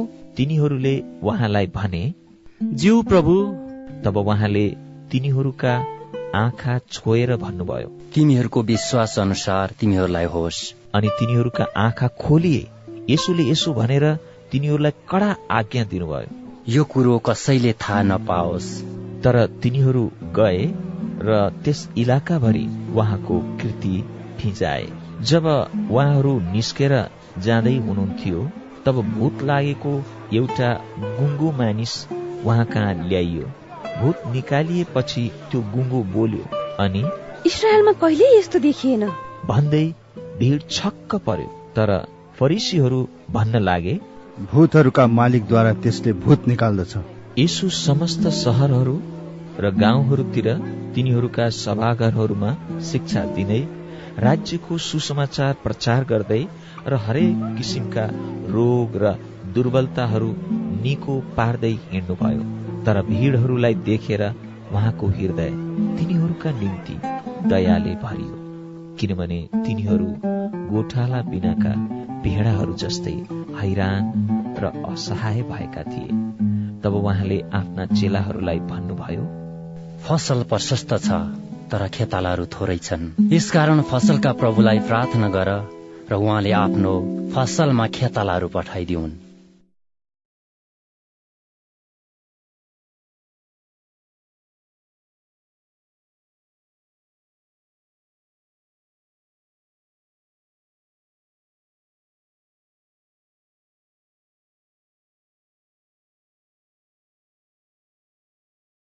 मती अध्याय दस। उहाँले आफ्ना बाह्र चेलाहरूलाई बोलाएर अशुद्ध आत्माहरू निकाल्ने र हर प्रकारका रोग र दुर्बलता निको पार्ने अधिकार तिनीहरूलाई दिनुभयो। बाह्र प्रेरितहरूका नाउँ यी हुन्। पहिलो पत्रुस भनिने सिमोन र तिनका भाइ अन्द्रियास जब्दियाका छोरा याकुब र तिनका भाइ यहुन्ना फिलिप र बार्थोलोमाई। थोमा र कर उठाउने मत्ती अल्फयसका छोरा याकुब र थेदियस सिमोन कनानी र यहुदा एस्कोरियत जसले यीशुलाई पक्राइदियो। यीशुले यी बाह्र चेलालाई यसो भनी आज्ञा दिएर पठाउनुभयो। अन्य जातिहरूका माझमा नजाओ र सामरीहरूका शहरमा नपस तर इसरायल जातिका हराएका भेडाहरू कहाँ जाओ। स्वर्गको राज्य नजिकै आइपुगेको छ भन्दै प्रचार गर। बिमारीहरूलाई निको पार मरेकाहरूलाई जीवित पार कुष्ठ रोगीहरूलाई शुद्ध पार भूतहरूलाई निकाल। तिमीहरूले सित्तैमे पायौ सित्तैमे देऊ। तिमीहरू आफ्ना पटुकामा सुन चाँदी र तामाको सिक्का नबोक। यात्राको निम्ति झोली दुईटा दौरा जुत्ता लौरो नलेऊ किनभने खेतालाले उसको भोजन पाउनु पर्छ जुन सहर कि गाउँमा तिमीहरू पस्छौ त्यहाँ को योग्य छ भनी खोज र त्यहाँबाट विदा नभएसम्म त्यही बस। त्यस घरभित्र पस्दा अभिवादन गर। त्यो घर योग्य छ भने तिमीहरूको शान्ति त्यस घरमा आओस्। तर त्यो योग्य रहेनछ भने तिमीहरूको शान्ति तिमीहरूमै फर्किआओस्। यदि कसैले तिमीहरूलाई ग्रहण गरेन वा तिमीहरूको वचन सुनेन भने त्यस घर अथवा सहरबाट निस्कँदा आफ्ना खुट्टाको धुलो टकटक्याइदियो। साँच्चै म तिमीहरूलाई भन्दछु न्यायको दिनमा त्यही सहरको दशा भन्दा बरु सदोम र गमराको हालत बढी सहनीय हुनेछ। हेर म तिमीहरूलाई बुवासहरूका बीचमा भेडा झैं पठाइरहेछु। यसकारण तिमीहरू सर्प झैं चनाखो र ढुकुर झैं निर्दोष हो तर मानिसहरूदेखि होसियार हो। किनभने तिनीहरूले तिमीहरूलाई अदालतहरूमा सुम्पिदिनेछन् र तिनीहरूका सभाघरहरूमा तिमीहरूलाई कोर्रा लाउनेछन्। तिमीहरू मेरो खातिर हाकिम र शासकहरूका सामुन्ने खडा गराइनेछौ र तिनीहरू र अन्य जातिहरूका निम्ति साक्षी हुनेछौ। तर जब तिनीहरूले तिमीहरूलाई पक्राइदिन्छन् तब कसरी र के बोलाउला भनी फिक्री नगर। किनभने तिमीहरूले के बोल्नु पर्ने हो त्यही घडी तिमीहरूलाई बताइनेछ। किनभने बोल्ने तिमीहरू आफै हुने छैनौ तर तिमीहरूका पिताका आत्मा तिमीहरूद्वारा बोल्नुहुनेछ। भाइले भाइलाई मृत्युको लागि पक्राइदिनेछ र बाबुले छोरा छोरीलाई र छोरा छोरीहरू आमा बाबुहरूका विरुद्धमा उठ्नेछन् र तिनीहरूलाई मार्न लाउनेछन्। मेरो नाउँको खातिर सबैबाट तिमीहरू घृणित हुनेछौ। तर जो अन्त्य समय ती रहन्छ त्यसैको उद्धार हुनेछ। जब तिनीहरूले तिमीहरूलाई एउटा सहरमा सताउँछन् तब अर्कोमा भाग। किनकि साँच्चै म तिमीहरूलाई भन्दछु मानिसको पुत्र आउन अघि तिमीहरू कुनै रीतिले इसरायलका सबै सहरहरू डुलिसकेका हुने छैनौ। चेला आफ्ना गुरु भन्दा र कमारो आफ्ना मालिक भन्दा श्रेष्ठ हुँदैन। चेला आफ्ना गुरु जस्तो र कमारो आफ्ना मालिक जस्तो हुनु यथेष्ट छ। यदि तिनीहरूले घरका मालिकलाई नै बालजीबुल भनेका छन् भने उनका परिवारकाहरूलाई झन कति बढी भन्लान्। यसकारण तिनीहरूसँग नडराओ किनभने ढाकेर प्रकट नहुने र लुकेर थाहा नहुने केही छैन। जे म तिमीहरूलाई अन्धकारमा भन्दछु त्यो तिमीहरूले उज्यालोमा भनिदेऊ र जे तिमीहरूले कानमा सुन्छौ त्यो घरका धुरीहरूबाट प्रचार गर। तिनीहरूसँग नडराओ जसले शरीरलाई मार्छन् तर आत्मालाई मार्न सक्दैनन्। बरु आत्मा र शरीर दुवैलाई नरकमा नाश गर्न सक्नेसँग डराओ। के एक पैसामा दुई भँगेरा बिक्दैनन्? ती मध्ये एउटा पनि तिमीहरूका पिताको इच्छा बिना भुइँमा खस्ने छैन। तिमीहरूका शिरका केसहरू पनि सबै गन्ती भएका छन्। यसकारण तिमीहरू नडराओ। तिमीहरू धेरै भँगेरा भन्दा बढ्ता मूल्यवान छौ। यसकारण हरेक जसले मानिसहरूका सामु मलाई स्वीकार गर्छ म पनि उसलाई स्वर्गमा हुनुहुने मेरा पिताको सामुने स्वीकार गर्नेछु। तर हरेक जसले मलाई मानिसहरूका सामुने इन्कार गर्छ म पनि उसलाई स्वर्गमा हुनुहुने मेरा पिताको सामुने इन्कार गर्नेछु। म पृथ्वीमा शान्ति ल्याउन आएको हुँ भनी नठान शान्ति ल्याउन होइन तर तरवार चलाउनलाई म आएको हुँ। किनकि म मानिसलाई उसका बाबुको विरुद्ध र छोरीलाई उसकी आमाको विरुद्ध र बुहारीलाई उसकी सासूको विरुद्ध गराउन आए। मानिसका शत्रु उसको आफ्नै परिवारभित्रकैहरू हुनेछन् जसले मलाई भन्दा बढी आफ्ना बाबु वा आमालाई प्रेम गर्दछ त्यो मेरो योग्यको हुँदैन। जसले मलाई भन्दा बढी आफ्ना छोरा वा छोरीलाई प्रेम गर्दछ त्यो मेरो योग्यको हुँदैन। जो आफ्नो क्रुस उठाएर मेरो पछि लाग्दैन त्यो मेरो योग्यको हुँदैन। जसले आफ्नो प्राण जोगाउँछ त्यसले त्यो गुमाउनेछ र आफ्नो प्राण मेरो निम्ति गुमाउनेले त्यो बचाउनेछ। तिमीहरूलाई ग्रहण गर्नेले मलाई ग्रहण गर्दछ र मलाई ग्रहण गर्नेले मलाई पठाउनु हुनेलाई ग्रहण गर्दछ। अगम वक्तालाई अगम वक्ता नै मानेर ग्रहण गर्नेले अगम वक्ताको इनाम पाउनेछ। धर्मी जनलाई धर्मी जन नै मानेर ग्रहण गर्नेले धर्मी जनको इनाम पाउनेछ। जसले यी सानाहरूमध्ये एउटालाई मेरो चेला मानेर एक कचौरा चिसो पानी मात्र भए पनि पिउन देला साँच्चै म तिमीहरूलाई भन्दछु। त्यसले आफ्नो इनाम कदापि गुमाउने छैन।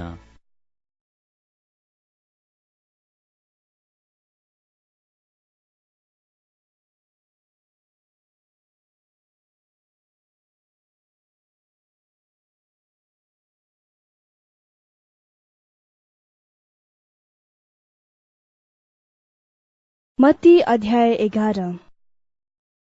आफ्ना बाह्रै चेलाहरूलाई आदेश दिइसक्नु भएपछि यीशु त्यहाँबाट तिनीहरूका सहरहरूमा सिकाउन र सुसमाचार प्रचार गर्नलाई जानुभयो। यहुनाले ख्रिष्टका कामहरूको चर्चा झ्यालखानमा सुने र आफ्ना चेलाहरूलाई उहाँका यो कुरा सोध्न पठाए। के आउनेवाला चाहिँ तपाईँ नै हुनुहुन्छ? कि हामीहरू कोही अर्काको प्रतीक्षा गरौं? यीशुले तिनीहरूलाई भन्नुभयो तिमीहरूले सुनेका र देखेका कुराहरू युहन्नालाई भनिदियो। अन्नाहरूले दृष्टि पाउँछन् र लङ्गडाहरू हिँड्दछन्। कुष्ठरोगीहरू शुद्ध पारिएका छन् बहिराहरू सुन्न सक्ने भएका छन् मरेकाहरू जीवित भई उठेका छन् र दरिद्रहरूलाई सुसमाचार प्रचार गरिँदैछ। धन्य हो त्यो जसले मबाट बाधा पाउँदैन। अनि तिनीहरू गएपछि यसुले यहुन्नाको विषयमा भिडलाई भन्न लाग्नुभयो। तिमीहरू उजाड स्थानमा के हेर्न निस्क्यौ? के बतासले हल्लाइराखेको निगालोलाई? तब तिमीहरू किन निस्क्यौ? के नरम पोसाक धारण गरेको मानिसलाई हेर्न? नरम पोसाक लाउनेहरू त राजाहरूका भवनमा बस्छन्। तिमीहरू किन निस्क्यौ त? के अगम वक्तालाई हेर्नलाई? हो म तिमीहरूलाई भन्दछु अगम वक्ता भन्दा पनि महान व्यक्तिलाई। यिनी तिनै हुन् जसको विषयमा धर्मशास्त्रमा लेखिएको छ। हेर म आफ्नो दूतलाई तिम्रो अघि अघि पठाउँछु। जसले तिम्रो सामुन्ने तिम्रो मार्ग तयार गर्नेछ। साँच्चै म तिमीहरूलाई भन्दछु स्त्रीबाट जन्मेकाहरूमा बप्तिस्म दिने युहन्ना भन्दा महान अरू कोही भएको छैन। तरै पनि स्वर्गको राज्यमा जो सबैभन्दा सानो छ त्यो यिनी भन्दा महान हो। बप्तिस्म दिने योहन्नाको समयदेखि अहिलेसम्म स्वर्गको राज्य जोडले अघि बढिरहेको छ। अनि शक्तिशाली मानिसहरू बल जफतीसँग यसलाई पक्रन्छन्। किनकि युहन्नाको समयसम्म सबै अगमवक्ताहरू र व्यवस्थाले अगमवाणी गरे। तिमीहरू ग्रहण गर्न राजी हुन्छौ भने आउनु पर्ने एलिया यिनी नै हुन्। जसको सुन्ने कान छ त्यसले सुनोस्। अब यस पुस्ताको तुलना म केसँग गरौं? यो त बजारमा खेल्ने ससाना केटाकेटीहरू जस्तो हो। जसले तिनीहरूका साथीहरूलाई बोलाउँछन् र भन्दछन्। हामीहरूले तिमीहरूका निम्ति बाँसुरी बजायौं तर तिमीहरू नाचेनौ। हामीहरूले विलाप गर्यौं तर तिमीहरूले अफसोस गरेनौ। किनभने युवन्ना खाँदै र पिउँदै आएनन् र तिनीहरू उनलाई भूत लागेको छ भनी भन्दछन्। मानिसको पुत्र खाँदै र पिउँदै आयो र तिनीहरू भन्दछन् हेर घिचुवा पियक्कड कर उठाउने र पापीहरूको मित्र बुद्धि ठिक हो भन्ने कुरा त्यसका कामहरूबाटै प्रमाणित हुन्छ। जुन जुन सहरमा उहाँका धेरै जसो शक्तिशाली कामहरू गरिएका थिए उहाँले तिनलाई धिक्कार्न लाग्नुभयो। कारण तिनीहरूले पश्चाताप गरेनन्। धिक्कार तलाई ए खोराजिन धिक्कार तलाई ए बेसेदा किनकि तिमीहरूमा गरिएका शक्तिशाली कामहरू टुरुस र सिदोनमा गरिएका भए तिनीहरूले उहिले नै भाङ्रा लाएर र खरानी घसेर पश्चाताप गरिसक्ने थिए। तर म तिमीहरूलाई भन्दछु न्यायको दिनमा तिमीहरूको भन्दा त टुरोस र सिदोनको हालत बढी सहनीय हुनेछ। ए कफनुम के त आकाशसम्म उचारिने छस् र? त पातलसम्म खसालिनेछस् किनकि तमा गरिएका शक्तिशाली कामहरू सदोममा गरिएका भएदेखि त्यो आजको दिनसम्म रहिरहने थियो। तर म तिमीहरूलाई भन्दछु। न्यायको दिनमा तेरो भन्दा त सदोम मुलुकको हालत बढी सहनीय हुनेछ। त्यस बेला यसुले भन्नुभयो हे पिता स्वर्ग र पृथ्वीका प्रभु म तपाईँमा धन्यवाद चढाउँछु। किनकि तपाईँले यी कुरा बुद्धिमान र समझदारबाट गुप्त राख्नुभयो तर बालकहरूलाई ती प्रकट गर्नुभयो। हो पिता किनकि तपाईँलाई यही असल लाग्यो। मेरा पिताले सबै थोक मलाई सुम्पिदिनु भएको छ। पिता बाहेक पुत्रलाई कसैले चिन्दैन र पुत्र बाहेक पितालाई कसैले चिन्दैन। अनि तिनीहरूले पनि चिन्छन् जसलाई पुत्रले पिता प्रकट गरिदिने इच्छा गर्दछ। हे सबै थाकेका र बोझले दबिएका हो म कहाँ आओ म तिमीहरूलाई विश्राम दिनेछु। मेरो जो आफूमाथि ल्याऊ र मसँग सिक। किनभने म विनम्र र कोमल हृदयको छु। अनि तिमीहरूले आफ्नो आत्मामा विश्राम पाउनेछौ। किनकि मेरो जुवा सजिलो छ र मेरो भारी हलुको छ।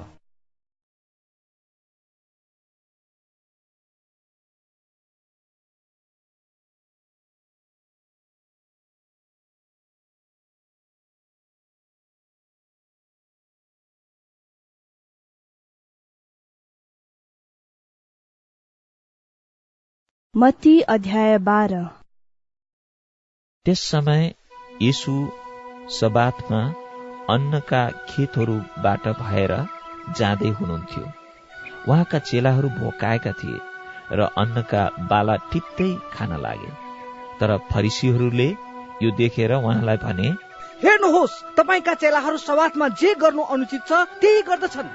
तर उहाँले तिनीहरूलाई भन्नुभयो दाउदले उनी र उनका साथमा हुनेहरू भोकाउँदा के गरेथे? के तिमीहरूले पढेका छैनौ? कसरी उनले परमेश्वरको भवनभित्र पसेर चढाएको रोटी खाएथे? त्यो रोटी खान न त उनलाई न उनीसँग हुनेहरूलाई तर केवल पुजारीहरूलाई मात्र उचित थियो। अथवा के व्यवस्थामा पढेका छैनौ? कसरी सबातमा पुजारीहरूले मन्दिरमा सबातलाई अपवित्र तुल्याउँछन् र पनि निर्दोषी ठहरिन्छन्? तर म तिमीहरूलाई भन्दछु मन्दिर भन्दा महान यहाँ छ। तर म बलिदान होइन दया चाहन्छु। भनेको अर्थ के हो? सो तिमीहरूले जानेका भए तिमीहरूले निर्दोषीलाई दोष लाउने थिएनौ किनकि मानिसको पुत्र सवातको प्रभु हो। त्यहाँबाट निस्केर उहाँ तिनीहरूको सभाघरमा जानुभयो। त्यहाँ एउटा हात सुकेको मानिस थियो। तिनीहरूले येसुलाई दोष लगाउने अभिप्रायले उहाँलाई सोधे। के सवादमा कसैलाई निको पार्नु उचित छ?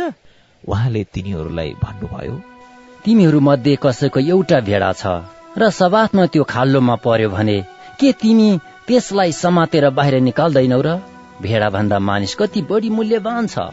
यसै कारण सबातमा भलो गर्नु उचित छ। तब उहाँले त्यस मानिसलाई भन्नुभयो तिम्रो हात पसार। त्यसले हात पसार्यो र त्यो हात अर्को जस्तै सध्य भइगयो। तर फरिसीहरूले बाहिर गएर उहाँलाई कसरी नाश गरौं भनेर उहाँको विरुद्धमा मतो गर्न लागे। तब त्यो कुरा थाहा पाएर यीशु त्यहाँबाट गइहाल्नुभयो र धेरैजना उहाँको पछि लागे र उहाँले तिनीहरू सबैलाई निको पार्नुभयो। र उहाँ को हुनुहुन्छ? सो कसैलाई नबताउने चेताउने तिनीहरूलाई दिनुभयो। यसैया अगमवक्ताद्वारा भनिएको वचन पूरा हुनलाई नै यो भएको हो। मेरा दास जसलाई मैले चुनेको छु मेरा प्रिय जोसँग म प्रसन्न छु। म मेरो आत्मा तिनमा राखिदिनेछु र तिनले जाति जातिलाई न्यायको घोषणा गरिदिनेछ तिनी न त झगडा गर्नेछन् न साह्रै चिच्याउनेछन्। न त कसैले तिनको स्वर गल्लीहरूमा सुन्नेछ।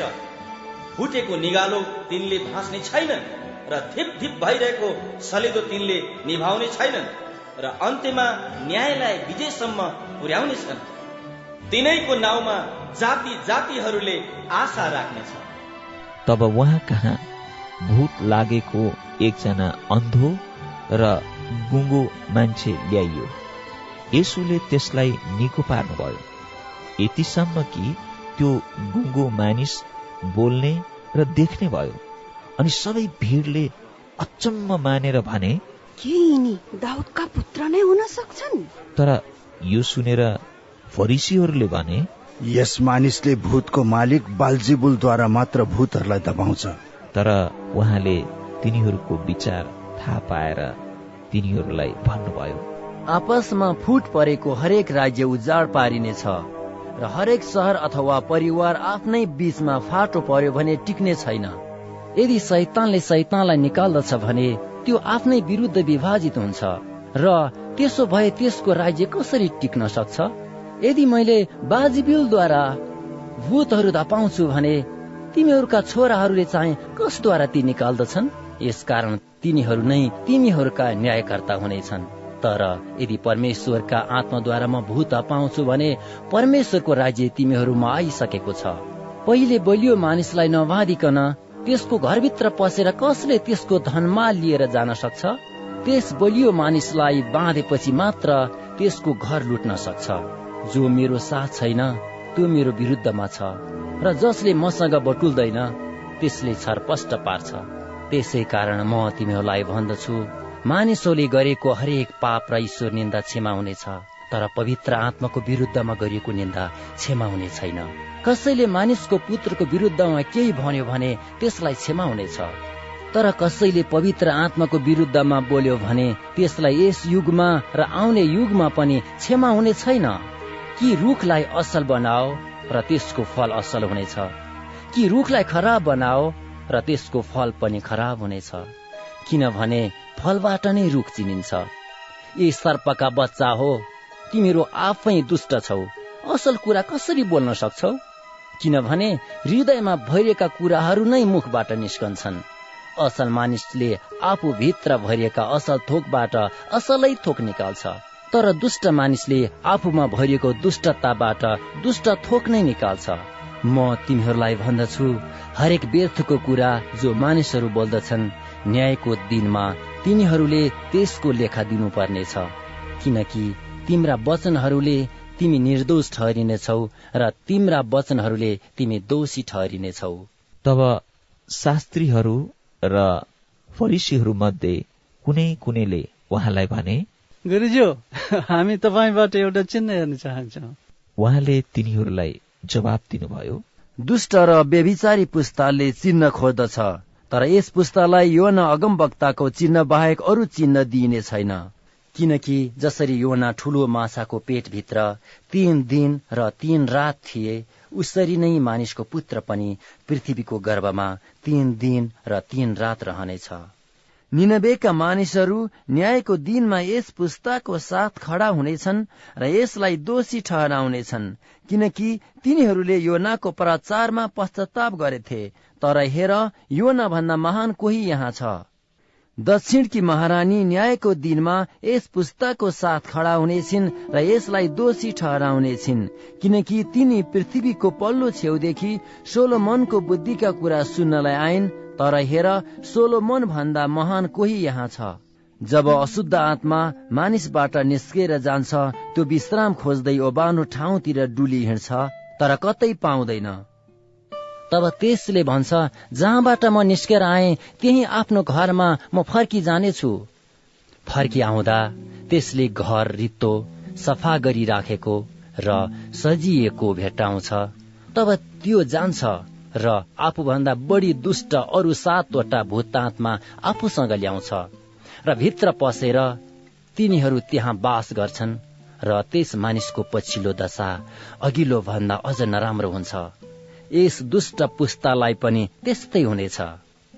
यसु भिडहरूसँग बोलिरहनु भएको बेला उहाँका आमा र भाइहरू बाहिर खडा थिए र उहाँसँग बात गर्न चाहन्थे। तब एकजनाले यीशुलाई भन्यो हेर्नुहोस् तपाईँकी आमा र तपाईँका भाइहरू बाहिर खडा छन् र तपाईँसँग बात गर्न चाहन्छन्। तर उहाँसँग बोल्नेलाई यीशुले भन्नुभयो मेरी आमा को हुन्? मेरा भाइहरू को हुन्?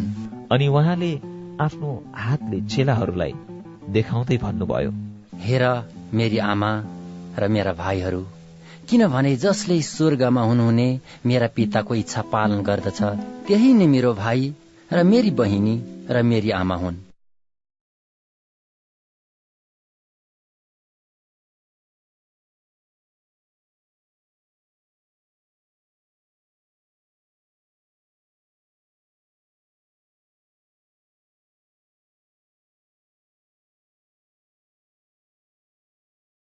मती अध्याय तेह्र। त्यही दिन यीशु घरबाट निस्केर समुद्रको किनारमा बस्नुभयो अनि यति ठुलो भिड उहाँको नजिक भेला भयो कि उहाँ डुङ्गामा चढेर बस्नुभयो अनि सबै मानिसहरू किनारमा खडा भए। उहाँले तिनीहरूलाई दृष्टान्तमा धेरै कुरा भन्नुभयो। उहाँले भन्नुभयो एउटा बिउ छर्ने बिउ छर्न निस्क्यो अनि यसरी छर्दा केही बिउ बाटोतिर परे। र चराचुरुङ्गीले आएर ती खाइदिए केही बिउ ढुङ्गिनी जमिनमा परे जहाँ धेरै माटो थिएन र गहिरो माटो नभएकोले ती छिट्टै उम्रे तर जब घाम लाग्यो ती ओइलाए र जरा नभएकोले ती सुकिहाले। अरूहरू चाहिँ काँडाहरूका बीचमा परे तर काँडाहरू बढेर आए र तिनलाई निसासी दिए। अरू बिउ असल जमिनमा परे र कुनैले सय कुनैले साठी। कुनैले तीस गुणा फल दिए जसको कान छ त्यसले सुनोस्। अनि चेलाहरू आएर उहाँलाई भने तपाईँ तिनीहरूसँग किन दृष्टान्तहरूमा बोल्नुहुन्छ? उहाँले तिनीहरूलाई जवाब दिनुभयो। तिमीहरूलाई त स्वर्ग राज्यका रहस्यहरूको ज्ञान दिएको छ तर तिनीहरूलाई भने दिएको छैन किनकि जससँग छ त्यसलाई दिइनेछ र त्यससँग प्रशस्त हुनेछ तर जससँग छैन। त्यससँग भएको पनि त्यसबाट खोसिनेछ यसै कारण म तिनीहरूसँग दृष्टान्तमा बोल्दछु। किनभने तिनीहरू हेर्न त हेर्छन् तर देख्दैनन्। सुन्न त सुन्छन् तर सुनेर बुझ्दैनन्। यसैयाको अगमबाणी तिनीहरूमा पूरा भएको छ। सुन्न त तिमीहरू सुन्छौ तर कहिले बुझ्दैनौ। हेर्न त हेर्छौ तर कहिले देख्दैनौ। किनकि यी मानिसहरूको हृदय बोधो भएको छ। र तिनीहरूका कान बहिरा भएका छन् र तिनीहरूले आफ्ना आँखा बन्द गरेका छन्। नत्र त तिनीहरूले आँखाले देख्ने थिए कानले सुन्ने थिए हृदयले बुझ्ने थिए र फर्कने थिए र म तिनीहरूलाई निको पार्ने थिएँ। तर तिमीहरूका आँखा धन्य हुन् किनकि तिनले देख्दछन्। तिमीहरूका कान धन्य हुन् किनकि तिनले सुन्छन्। साँच्चै म तिमीहरूलाई भन्दछु तिमीहरूले देखेका कुरा धेरै अगमवक्ताहरूले र धर्मी जनहरूले हेर्न उत्कट इच्छा गरेथे तर देखेनन्। अनि तिमीहरूले सुनेका कुरा सुन्न उत्कट इच्छा गरेथे तर सुनेनन्। बिउ छनेको दृष्टान्त सुन। जब कसैले राज्यको वचन सुन्छ र सो बुझ्दैन तब दुष्ट आउँछ र त्यसको हृदयमा जे छरिएको थियो सो खोसेर लैजान्छ। बाटोतिर छरिएको बिउ चाहिँ त्यही हो। ढुङ्गेनी जमिनमा छरिएको चाहिँ त्यो हो जसले वचन सुन्ने बित्तिकै खुसी साथ झट्टै त्यो स्वीकार गर्दछ। तर त्यसको आफ्नै जरा नभएकोले त्यो थोरै बेर मात्र टिक्छ। र वचनको कारणले कष्ट कि सतावट परि आउने बित्तिकै त्यो पछि हट्छ। काँडहरूमा छरिएको चाहिँ त्यो हो जसले वचन सुन्छ तर यस संसारको फिक्री र धन सम्पत्तिको छलले वचनलाई बाधा दिन्छ। र त्यो फल नदिने हुन्छ। तर असल जमिनमा छरिएको चाहिँ त्यो हो जसले वचन सुन्छ र बुझ्दछ र साँच्चै फल फलाउँछ। त्यसले छरेको बिउबाट सय गुणा साठी गुणा र तीस गुणा फसल फलाउँछ। यसुले फेरि तिनीहरूलाई अर्को दृष्टान्त सुनाउनु भयो स्वर्गको राज्य एउटा मानिस जस्तो हो जसले आफ्नो खेतमा असल बिउ रोप्यो। तर मानिसहरू सुतेका बेला उसको शत्रु आयो। र गहुँका बीच बीचमा सामाहरू रोपेर गयो। जब बोट निस्केर त्यसमा दाना लागे तब सामा पनि देखा पर्यो। घरका मालिकका कमाराहरूले आएर उसलाई भने हजुर के तपाईँले आफ्नो खेतमा असल बिउ रोप्नु भएको होइन? त्यहाँ सामा कहाँबाट आयो? घरको मालिकले तिनीहरूलाई भन्यो कुनै शत्रुले यसो गरेको हो। कमाराहरूले उसलाई भने के हामी गएर ती बटुलौ? तर उसले भन्यो त्यसो नगर। नत्र ता तिमीहरूले सामा उखेल्दा गहुँ समेत उखेली पठाउनेछौ। फसलको समयसम्म दुवैलाई सँगसँगै बढ्न दियो। फसलको बेलामा कटनी गर्नेहरूलाई भन्नेछु पहिले सामा उखलेर जलाउनलाई बिटा बाँध तर गहुँ चाहिँ मेरो ढुकुटीमा राख। यीशुले तिनीहरूलाई अर्को दृष्टान्त भन्नुभयो।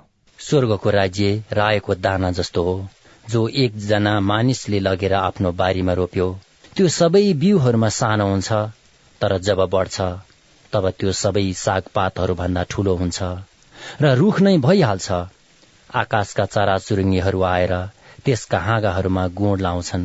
उहाँले तिनीहरूलाई अर्को दृष्टान्त भन्नुभयो। स्वर्गको राज्य खमिर जस्तो हो जो एउटी स्त्रीले दस किलोग्राम पिठोमा मिसाई र त्यो जम्मै खमिरले फुलिएर ठिक नभएसम्म त्यसलाई एक ठाउँमा राखी। यसुले यी सबै कुरा मानिसहरूलाई दृष्टान्तमा भन्नुभयो बिना दृष्टान्त उहाँले तिनीहरूलाई केही पनि भन्नु भएन।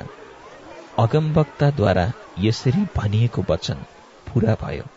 म आफ्नो मुख दृष्टान्तहरूमा खोल्नेछु। संसारको उत्पत्तिदेखि लुकाई राखेका कुरा म जाहेर गर्दछु। तब उहाँ भिडलाई छोडेर घरमा जानुभयो र उहाँका चेलाहरूले उहाँ कहाँ आएर भने खेतको सामा बारे दृष्टान्तको अर्थ हामीलाई बताइदिनुहोस्। उहाँले तिनीहरूलाई जवाब दिनुभयो असल बिउ छर्ने चाहिँ मानिसको पुत्र हो खेत संसार हो। असल बिउ चाहिँ राज्यको सन्तान हो र सामा दुष्टको सन्तान हो। सामा रोप्ने शत्रु चाहिँ दियावलस हो। फसलको समय चाहिँ युगको अन्त्य हो। खेतालाहरू स्वर्गदूतहरू हुन् जसरी सामा उखेलेर आगोमा भस्म गरिन्छ युगको अन्त्यमा पनि त्यस्तै हुनेछ। मानिसको पुत्रले आफ्ना दूतहरू पठाउनेछ र पाप गर्न लाउने प्रत्येक थोक र दुष्ट काम गर्नेहरू सबैलाई तिनीहरूले उसको राज्यबाट बटुल्नेछन् र उनीहरूलाई आगोको भट्टीमा फालिदिनेछन्। त्यहाँ मानिसहरू रुनेछन् र दारा किट्नेछन्। तब धर्मी जनहरू आफ्ना पिताको राज्यमा सूर्य जस्ता चम्किला हुनेछन् जसको कान छ त्यसले सुनोस्। स्वर्गको राज्य कुनै एउटा खेतमा गाडी राखेको गाडधन जस्तो हो। जो एकजना मानिसले भेट्टाएर लुकाइ राख्दछ र आनन्दित भएर ऊ जान्छ र आफूसित भएका सबै बेच्छ र त्यो खेत किन्छ। फेरि स्वर्गको राज्य असल मोतीहरू खोज्ने एउटा व्यापारी जस्तो हो। त्यसले एउटा बहुमूल्य मोती भेट्टाएपछि गएर आफूसँग भएका सबै बेचेर त्यो मोती किन्यो। स्वर्गको राज्य समुद्रमा हानेको एउटा जाल जस्तो पनि हो जसमा हर किसिमका माछाहरू पर्दछन्। अनि जाल भरिएपछि मानिसहरूले त्यसलाई किनारमा तानी निकाले र बसेर असल जतिलाई भाँडाहरूमा जम्मा गरे र खराब जतिलाई बाहिर फाले। युगको अन्त्यमा यस्तै हुनेछ। स्वर्गदूतहरूले आएर दुष्टहरूलाई धर्मीहरूका बीचबाट छुट्याउनेछन्। र उनीहरूलाई आगोको भट्टीमा फालिदिनेछन्। त्यहाँ मानिसहरू रुनेछन् र दारा किट्नेछन् यीशुले सोध्नुभयो के तिमीहरूले यी सबै कुरा बुझ्यौ? तिनीहरूले उहाँलाई जवाफ दिए बुझ्यौ।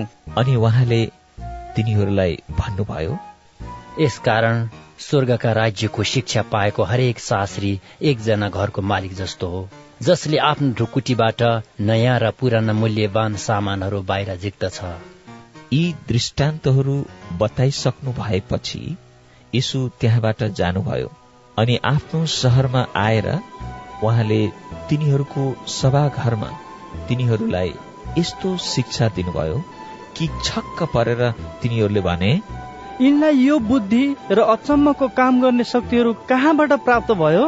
के यिनी सिकर्मीका छोरा होइनन्? के यिनकी आमाको नाउँ मरियम र यिनका भाइहरू याकुब योसेफ सिमोन र यहुदा होइनन्? के यिनका बहिनीहरू सबै हामीहरू सँगसँगै छैनन् र त यिनलाई यी सबै कुरा कहाँबाट प्राप्त भयो? अनि तिनीहरू उहाँसँग चिडिए तर यीशुले तिनीहरूलाई भन्नुभयो अगम वक्तालाई आफ्नै निज मुलुक र आफ्नै निज घरमा बाहेक अन्यत्र सबै ठाउँमा आदर हुन्छ। अनि तिनीहरूको अविश्वासले गर्दा उहाँले त्यहाँ शक्तिका धेरै कामहरू गर्नु भएन।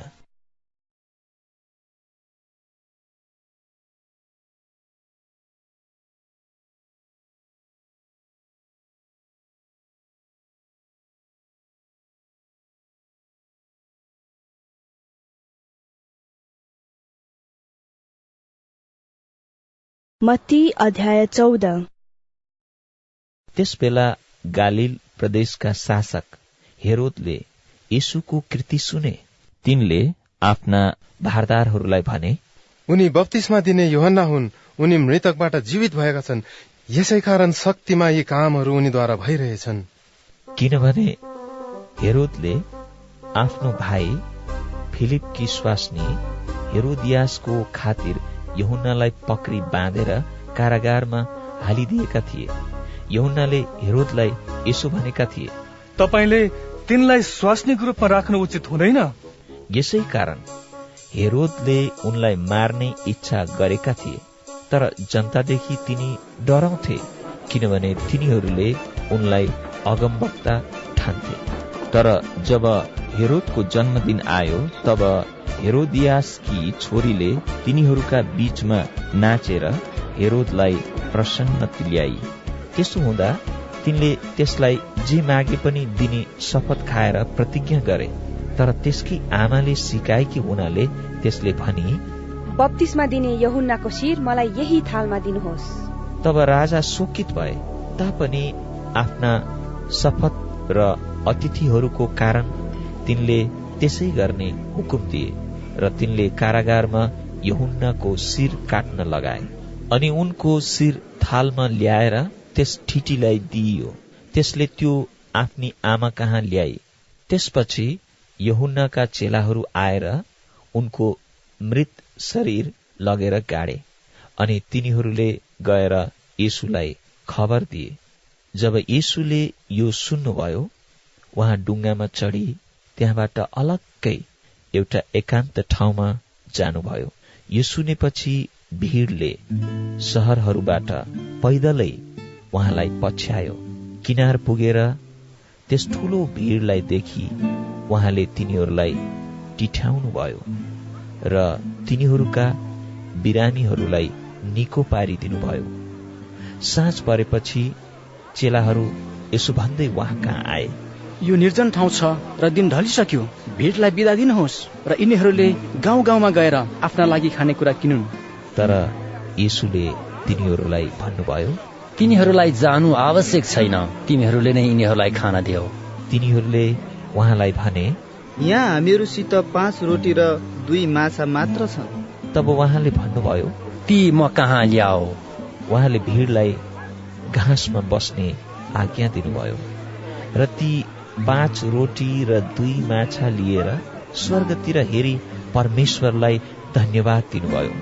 र रोटीहरू भाँचेर चेलाहरूलाई दिनुभयो। र चेलाहरूले मानिसहरूलाई दिए। ती सबैले खाएर तृप्त भए र उब्रेका टुक्राहरू तिनीहरूले बाह्र डालाभरि उठाए। स्त्रीहरू र केटाकेटीहरू बाहेक खानेहरू प्राय पाँच हजार पुरुषहरू थिए। उहाँले भिडलाई विदा गर्नुहुँदा चेलाहरूलाई डुङ्गामा चढी उहाँभन्दा पहिले पारिपट्टि जान लाउनुभयो। भिडलाई विदा गरिसक्नु भएपछि उहाँ एक्लै प्रार्थना गर्न डाँडामा उक्लनुभयो साँझ पर्दा उहाँ एक्लै त्यहाँ हुनुहुन्थ्यो। तर डुङ्गा त्यति बेलासम्म किनारदेखि समुद्रमा धेरै टाढा पुगिसकेको थियो। अनि हावा उल्टो बगेको हुनाले डुङ्गा छालको चपेटमा परेको थियो। बिहान तीन बजेतिर उहाँ समुद्रमाथि हिँड्दै तिनीहरू कहाँ आउनुभयो जब चेलाहरूले उहाँलाई समुद्रमाथि हिँडिरहनु भएको देखे तब डराएर तिनीहरूले भने यो त भूत हो! र तिनीहरू डरले चिच्चाए तर यीशुले झट्टै तिनीहरूलाई यसो भन्नुभयो साहस गर म नै हुँ न डराओ पत्रुसले उहाँलाई भने हे प्रभु तपाईँ नै हुनुहुन्छ भने मलाई तपाईँका पानीमाथि आउने आज्ञा दिनुहोस्। उहाँले भन्नुभयो आऊ पत्रुस डुङ्गाबाट ओर्लेर यीशु कहाँ जानलाई पानीमाथि हिँड्न लागे। तर बतास जोडले चलेको देखेर तिनी डराए र जब डुब्नै लागे तब तिनले चिच्चाएर भने हे प्रभु मलाई बचाउनुहोस्। तब यीशुले झट्टै हात पसारेर तिनलाई समाति हाल्नुभयो र तिनलाई भन्नुभयो ए अल्पविश्वासी किन शङ्का गर्यौ? जब उहाँहरू डुङ्गामा पस्नुभयो तब बतास थामियो। डुङ्गामा हुनेहरूले उहाँलाई दण्डवत गरे र भने साँच्चै तपाईँ परमेश्वरका पुत्र हुनुहुन्छ। पारी पुगेपछि उहाँहरू गणेशरेतको इलाकामा आइपुग्नु भयो जब त्यस ठाउँका मानिसहरूले उहाँलाई चिने तब तिनीहरूले वरिपरिका इलाकाहरूमा खबर पठाए र मानिसहरूले रोगीहरू सबैलाई उहाँ कहाँ ल्याए तिनीहरूले उहाँका वस्त्रको छेउ मात्र भए पनि छुन पाऊ भने उहाँलाई बिन्ती गरे र जतिले छोए तिनीहरू निको भए।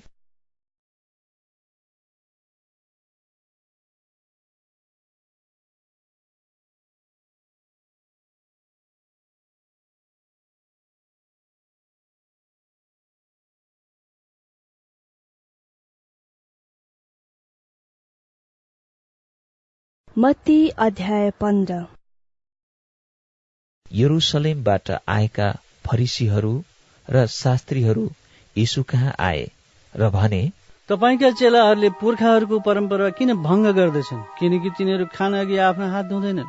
उहाँले तिनीहरूलाई भन्नुभयो तिमीहरू पनि किन आफ्ना परम्पराको खातिर परमेश्वरका आज्ञा भङ्ग गर्दछौ? किनभने परमेश्वरले भन्नुभएको छ आफ्ना बाबु र आमाको आदर गर। र बाबु वा आमाको विरुद्धमा दुष्ट कुरा जसले बोल्छ त्यो चाहिँ निश्चय मारिनु पर्छ तर तिमीहरू चाहिँ भन्दछौ जसले आफ्ना बाबु वा आमालाई भन्छ तपाईँले मबाट जे प्राप्त गर्न सक्नुहुन्थ्यो सो परमेश्वरलाई चढाइएको छ। त्यसले आफ्ना बाबुको आदर गर्नु पर्दैन। यसरी तिमीहरूले आफ्नो परम्पराको खातिर परमेश्वरको वचनलाई बेकममा गराएका छौ। पाखण्डी हो यसैयाले तिमीहरूका विषयमा ठिकै अगमबाणी बोले। यस जातिले मलाई ओठले मात्र आदर गर्छ तर तिनीहरूको हृदय मबाट टाढा छ। तिनीहरू व्यर्थमा मेरो उपासना गर्दछन् तर तिनीहरूका शिक्षा मानिसहरूले सिकाएका विधि मात्र हुन्। उहाँले मानिसहरूलाई आफू कहाँ बोलाउनु भयो र तिनीहरूलाई भन्नुभयो सुन र बुझ जे मुखभित्र पस्दछ त्यसले मानिसलाई अशुद्ध पार्दैन। तर जे मुखबाट बाहिर निस्कन्छ त्यसैले मानिसलाई अशुद्ध पार्छ। यसपछि चेलाहरू आएर उहाँलाई भने के तपाईँलाई थाहा छ फरसीहरू तपाईँका कुरा सुनेर चिडिएका छन्? तर उहाँले भन्नुभयो स्वर्गमा हुनुहुने मेरा पिताले नरोप्नु भएको हरेक बोट उखेलिनेछ। तिनीहरूलाई छोडिदेऊ ती अन्ध अगुवाहरू हुन्। अन्धाले अन्धालाई डोर्याओ भने ती दुवै खाल्लोमा पर्नेछन्। पत्रुसले उहाँलाई भने हामीलाई यस दृष्टान्तको अर्थ बताइदिनुहोस्। उहाँले भन्नुभयो के तिमीहरू पनि अझै अबुझ छौ? के तिमीहरूलाई थाहा छैन जे मुखभित्र पस्छ त्यो पेटमा गइहाल्छ र बाहिर निस्किहाल्छ तर जुन कुराहरू मुखबाट बाहिर आउँछन् ती हृदयबाट निस्कन्छन् र तिनैले मानिसलाई अशुद्ध तुल्याउँछन्।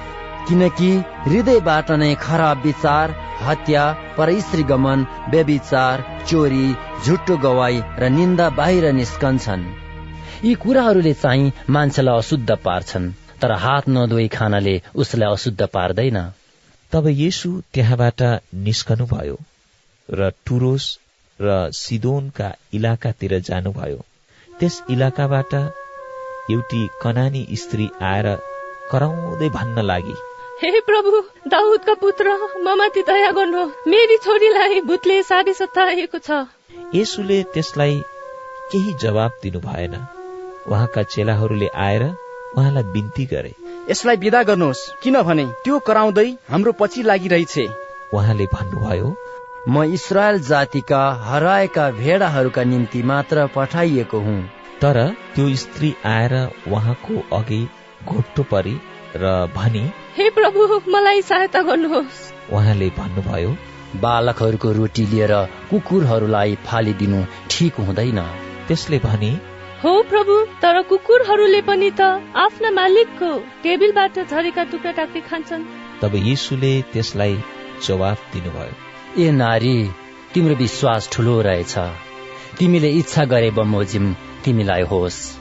त्यसकी छोरी त्यही घडी निको भइहाली। यसु त्यहाँबाट निस्केर गालिल समुद्रको किनार भएर जानुभयो र पहाडमाथि उक्लेर त्यहाँ बस्नुभयो। तब ठुला ठुला भिड उहाँ कहाँ आए र तिनीहरूले साथमा ल्याएका लङ्गडा लुला अन्धा गुङ्गा र अरू धेरैलाई उहाँका चरणमा राखिदिए अनि उहाँले तिनीहरूलाई निको पारिदिनु भयो यहाँसम्म कि गुङ्गाहरू बोलेका लुलाहरू निको भएका लङ्गडा हिँडेका र अन्धाहरूका आँखा खोलिएका देखेर मानिसहरू छक्क परे र तिनीहरूले इसरायलका परमेश्वरको महिमा गरे।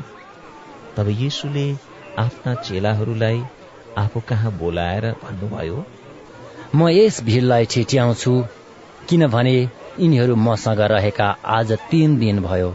अनि यिनीहरूसित खानलाई केही छैन। यिनीहरूलाई भोकै पठाउन म चाहन्न नत्र त तिनीहरू बाटोमा लखतारान होलान्।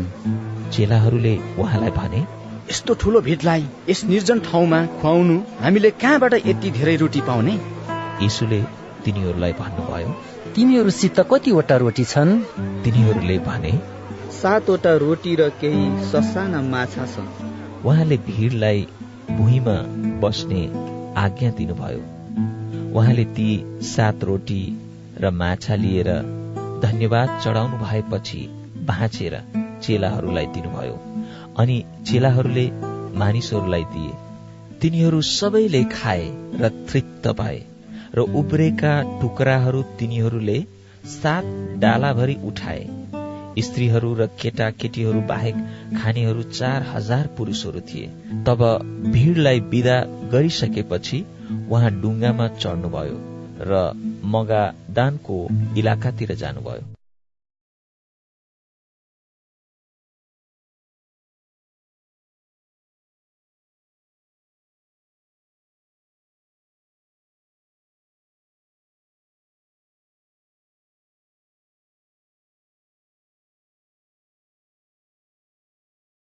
मत्ती अध्याय सोह्र। फरिसीहरू र सदुकीहरू आए र उहाँलाई जाँच गर्न स्वर्गबाट एउटा चिन्ह देखाइदिने उहाँसँग माग राखे। तर उहाँले तिनीहरूलाई जवाब दिनुभयो साँझ परेपछि तिमीहरू भन्छौ भोलि दिन राम्रो हुने रहेछ किनकि आकाश रातो छ। बिहान चाहिँ भन्छौ आकाश रातो र बादलले ढाकेको छ। आज आँधी आउने रहेछ। तिमीहरू आकाशको अवस्था हेरेर दिन कस्तो हुन्छ छुट्याउन जान्दछौ तर समयका चिन्हको अर्थ खोल्न सक्दैनौ। दुष्ट र व्यभिचारी पुस्ताले चिन्ह खोज्दछ तर योनाको चिन्ह बाहेक अरू चिन्ह त्यसलाई दिइने छैन। अनि तिनीहरूलाई छोडेर उहाँ जानुभयो। चेलाहरू पारिपट्टि आइपुग्दा तिनीहरूले रोटी ल्याउन बिर्सेछन् यसुले तिनीहरूलाई भन्नुभयो ध्यान देऊ फरिसी र सदुकीहरूको खमिरबाट होसियार रहो। तिनीहरूले आपसमा बहस गर्न लागे। हामीहरूले रोटी ल्याएनौ र उहाँले यसो भन्नु भएको होला। यीशुले यो थाहा पाएर भन्नुभयो ए अल्पविश्वासी हो तिमीहरूसित रोटी छैन भनेर किन आपसमा बहस गर्छौ? के तिमीहरू अझै बुझ्दैनौ? पाँच हजारका निम्ति पाँच रोटीको कुरा तिमीहरूलाई अझ याद छैन? तिमीहरूले कति डाला बटुलेका थियौ अनि चार हजारका निम्ति सात रोटी र कति डाला तिमीहरूले बटुलेका थियौ? मैले तिमीहरूलाई रोटीको विषयमा भनेको होइन भने तिमीहरू किन बुझ्दैनौ? तर फरिसी र सदुकीहरूको खमिरबाट होसियार रहो। तब तिनीहरूले बुझे कि उहाँले रोटीको खमिरबाट होइन तर फरिसी र सुदुकीहरूको शिक्षाबाट होसियार रहनु भन्नु भएको रहेछ। यीशु कैसरिया फिलिप्पीको मुलुकमा आउनु भएपछि उहाँले आफ्ना चेलाहरूलाई सोध्नुभयो मानिसहरूले मानिसको पुत्रलाई को हो भनी भन्छन्? तिनीहरूले जवाब दिए कसैले बत्तीसमा दिने योहन्ना कसैले एलिया र कसैले एर्मिया वा अगमवक्ताहरू मध्ये कुनै एकजना हुन् भनी भन्छन्। उहाँले तिनीहरूलाई सोध्नुभयो तिमीहरू के भन्छौ? म को हुँ? सिमोन पत्रुसले जवाब दिए तपाईँ ख्रिस्ट हुनुहुन्छ जीवित परमेश्वरको पुत्र? यसुले तिनलाई भन्नुभयो योनाको छोरो सिमोन तिमी धन्य हौ किनभने मानिसबाट तिमीलाई यो प्रकट भएको होइन तर स्वर्गमा हुनुहुने मेरा पिताले प्रकट गर्नुभएको हो। म तिमीलाई भन्दछु कि तिमी पत्रुस हौ। म मेरो मण्डली एक चट्टानमाथि स्थापित गर्नेछु र नरकका ढोकाहरू त्यसमाथि विजय हुने छैनन्। म तिमीलाई स्वर्गको राज्यका साँचाहरू दिनेछु।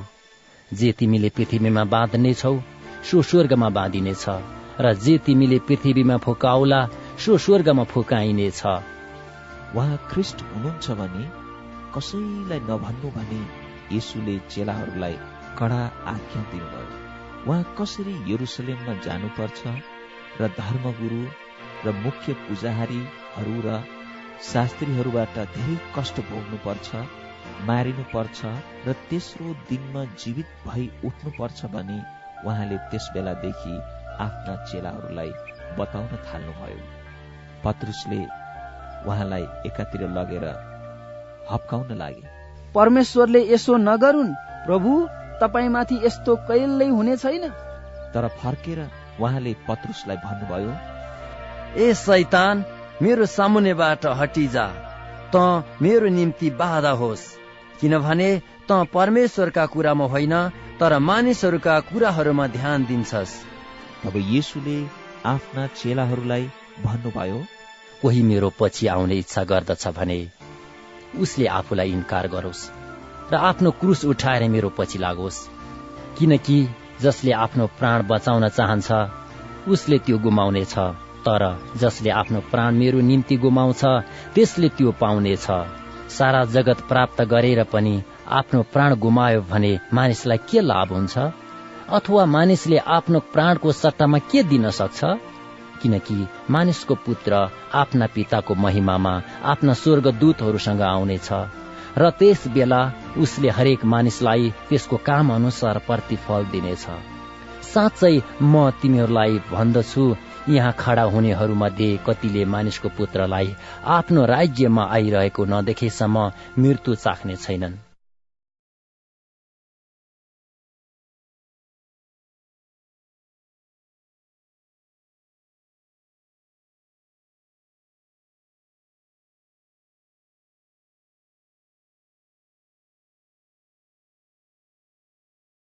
मती अध्याय सत्र। यसको छ दिनपछि यसुले पत्रुस याकुब र तिनका भाइ यहुन्नालाई आफूसँग एउटा उच्च पहाड़माथि अलग्गै लैजानुभयो। तिनीहरूका सामुन्ने उहाँको रूप परिवर्तन भयो। उहाँको चेहरा सूर्य झैं चम्क्यो र उहाँका वस्त्र प्रकाश झैं सेता भए। अनि मोसा र एलिया उहाँसँग बातचित गरिरहेका देखा परे। पत्रुसले यीशुलाई भने हे प्रभु हामी यहाँ भएको असल छ। तपाईँको इच्छा भए म यहाँ तीनवटा वासस्थान बनाउने छु एउटा तपाईँको निम्ति एउटा मोसाको निम्ति र एउटा एलियाको निम्ति। तिनी बोल्दा बोल्दै चम्किलो बादलले तिनीहरूलाई ढाकिहाल्यो र त्यस बादलबाट एउटा आवाज आयो। यिनी मेरा प्रिय पुत्र हुन्। यिनीसँग म अति प्रसन्न छु। यिनको कुरा सुन जब चेलाहरूले यो सुने तब तिनीहरू अति भयभीत भएर घोप्टो परे। तर येसुले आएर तिनीहरूलाई छोएर भन्नुभयो उठ न डराओ जब तिनीहरूले आफ्ना आँखा उचाले यसु बाहेक तिनीहरूले अरू कसैलाई देखिनन् जब उहाँहरू पहाड़बाट ओर्लँदै हुनुहुन्थ्यो यसुले तिनीहरूलाई आज्ञा गर्नुभयो। जबसम्म मानिसको पुत्र मृतकबाट जीवित भई उठ्दैन तबसम्म तिमीहरूले यो दर्शनको कुरा कसैलाई नभन्नु। अनि चेलाहरूले उहाँलाई यसो भनेर सोधे तब किन शास्त्रीहरूले पहिले एलिया आउनुपर्छ भनी भन्छन्? उहाँले तिनीहरूलाई भन्नुभयो एलिया साँच्ची नै आउँछन् र तिनले सबै कुरा फेरि साँच्याउने छन् तर म तिमीहरूलाई भन्दछु एलिया अघि नै आएका छन् अनि मानिसहरूले तिनलाई चिनेनन्। तर तिनलाई तिनीहरूले मनमानी गरे। त्यसरी नै मानिसको पुत्रले पनि तिनीहरूका हातबाट कष्ट भोग्नु पर्नेछ। तब उहाँले बत्तीसमा दिने यहुनाको विषयमा तिनीहरूलाई भन्नुभएको हो भनी चेलाहरूले बुझे। तब उहाँहरू भिड भएको ठाउँमा आउनु भएपछि एकजना मानिसले उहाँको सामु आई घुँडा टेकेर भन्यो प्रभु मेरो छोरामाथि दया गर्नुहोस् किनकि त्यसलाई छारे रोग लागेको छ र ठुलो कष्ट भोग्दैछ। त्यो कहिले आगोमा पर्छ कहिले पानीमा पस्छ। मैले त्यसलाई तपाईँका चेलाहरू कहाँ ल्याएँ तर तिनीहरूले त्यसलाई निको पार्न सकेनन्। तब यीशुले भन्नुभयो ए अल्पविश्वासी र भ्रष्ट पुस्ता कहिलेसम्म म तिमीहरूका साथमा रहनेछु? कहिलेसम्म मैले तिमीहरूलाई सहनु? त्यसलाई यहाँ म कहाँ ल्याओ? यीशुले त्यसलाई हकार्नुभयो र भूतात्मा त्यसबाट निस्कि गयो त्यो केटो तुरुन्तै निको भयो। तब चेलाहरूले यीशु कहाँ पुत्रमा आएर भने हामीहरूले त्यसलाई किन निकाल्न सकेनौ? उहाँले तिनीहरूलाई भन्नुभयो तिमीहरूका अल्पविश्वासको कारणले हो साँच्चै म तिमीहरूलाई भन्दछु कि तिमीहरूमा एउटा रायोको दाना जति विश्वास भएदेखि यस डाँडालाई यहाँबाट हटिजा। भन्यो भने त्यो हटिजानेछ र तिमीहरूका निम्ति केही असम्भव हुने छैन। तापनि यस किसिमको भूत चाहिँ प्रार्थना र उपवास बिना निक्लँदैन। उहाँहरू गालिलमा भेला हुँदा यीशुले तिनीहरूलाई भन्नुभयो मानिसको पुत्र मानिसहरूका हातमा सुम्पिनिएछ अनि तिनीहरूले उसलाई मार्नेछन् तर तेस्रो दिनमा ऊ जीवित भई उठ्नेछ। अनि तिनीहरू अत्यन्त दुखित भए। जब उहाँहरू कफर्नहुममा आउनुभयो। मन्दिरको कर उठाउनेहरूले पत्रुस कहाँ आएर भने के तिमीहरूका गुरुले तिरो तिर्दैनन्? तिनले भने हो तिर्नुहुन्छ। पत्रुस घरमा पसेपछि यसुले तिनलाई पहिले भन्नुभयो सिमन तिम्रो विचार के छ? पृथ्वीका राजाहरूले महसुल वा कर कोबाट उठाउँछन्? आफ्ना छोराहरूबाट कि अरूहरूबाट? अरूहरूबाट? पत्रुसले जवाब दिए यसुले तिनलाई भन्नुभयो उसो भए छोराहरूले त छुट पाएका रहेछन् तर तिनीहरू हामीबाट नचिडिउन् भन्ने हेतुले समुद्रमा गएर बल्छिहान र पहिले परेको माछा ल्याऊ। त्यसको मुख खोल्दा तिमीले एउटा चाँदीको सिक्का पाउनेछौ। त्यो लगेर तिम्रो र मेरो निम्ति तिनीहरूलाई देऊ।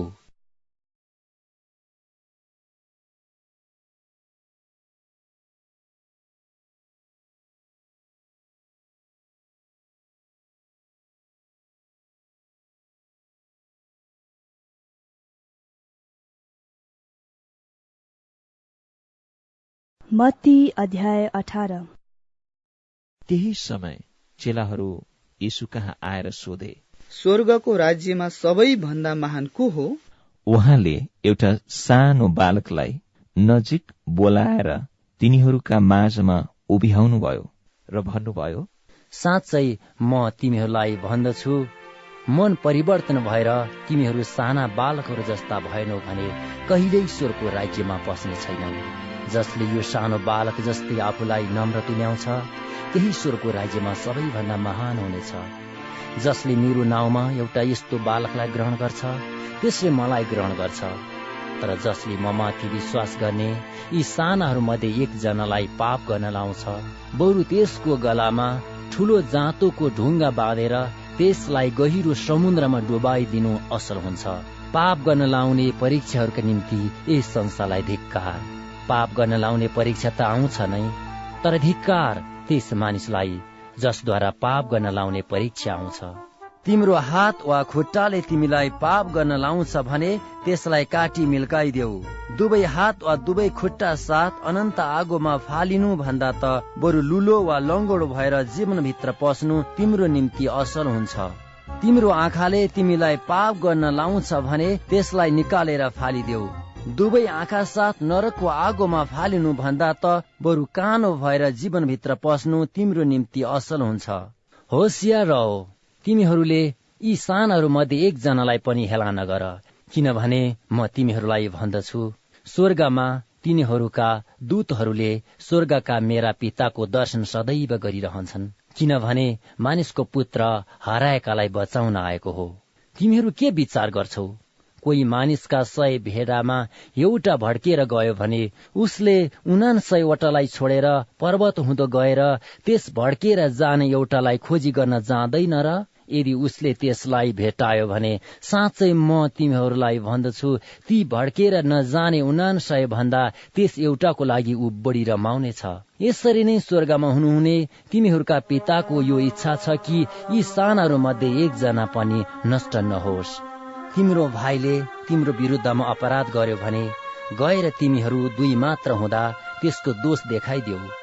त्यसले तिम्रो कुरा सुन्यो भने तिम्रो भाइ आफ्नो भयो। तर त्यसले सुनेन भने आफ्नो साथ अरू एक वा दुईजनालाई लैजाऊ र दुई अथवा तीन साक्षीद्वारा प्रत्येक कुरा पक्का होस्। यदि त्यसले तिमीहरूका कुरा पनि सुन्न इन्कार गर्यो भने मण्डलीलाई भन। त्यसले मण्डलीको बात पनि सुन्न इन्कार गर्यो भने त्यो तिम्रो लागि विधर्मी र कर उठाउने सरह होस्। साँच्चै म तिमीहरूलाई भन्दछु तिमीहरूले पृथ्वीमा जे बाँच्छौ त्यो स्वर्गमा बाँधिनेछ अनि तिमीहरूले पृथ्वीमा जे फोकाउँछौ त्यो स्वर्गमा फोकाइनेछ। फेरि म तिमीहरूलाई भन्दछु पृथ्वीमा तिमीहरू मध्ये दुईजना कुनै कुरामा सहमत भई केही माग्यौ भने त्यो स्वर्गका मेरा पिताद्वारा तिमीहरूका निम्ति हुनेछ। किनकि जहाँ दुई कि तीनजना मेरो नाउँमा भेला हुन्छन् त्यहाँ म तिनीहरूका माझमा हुनेछु। तब उहाँ कहाँ आएर पत्रुसले भने प्रभु मेरो भाइले कतिपल्ट मेरो विरुद्धमा अपराध गरे मैले त्यसलाई क्षमा गर्ने के सात पल्टसम्म यसुले तिनलाई भन्नुभयो म तिमीलाई भन्दछु सात पल्ट होइन तर सत्तरी गुणा सात पल्ट यसै कारण स्वर्गको राज्य एउटा राजासँग तुलना गर्न सकिन्छ। जसले आफ्ना नोकरहरूसँग हिसाब लिने इच्छा गरे जब तिनले हिसाब लिन लागे दस हजार सुनका सिक्का ऋण लिने एकजना तिनी कहाँ ल्याइयो।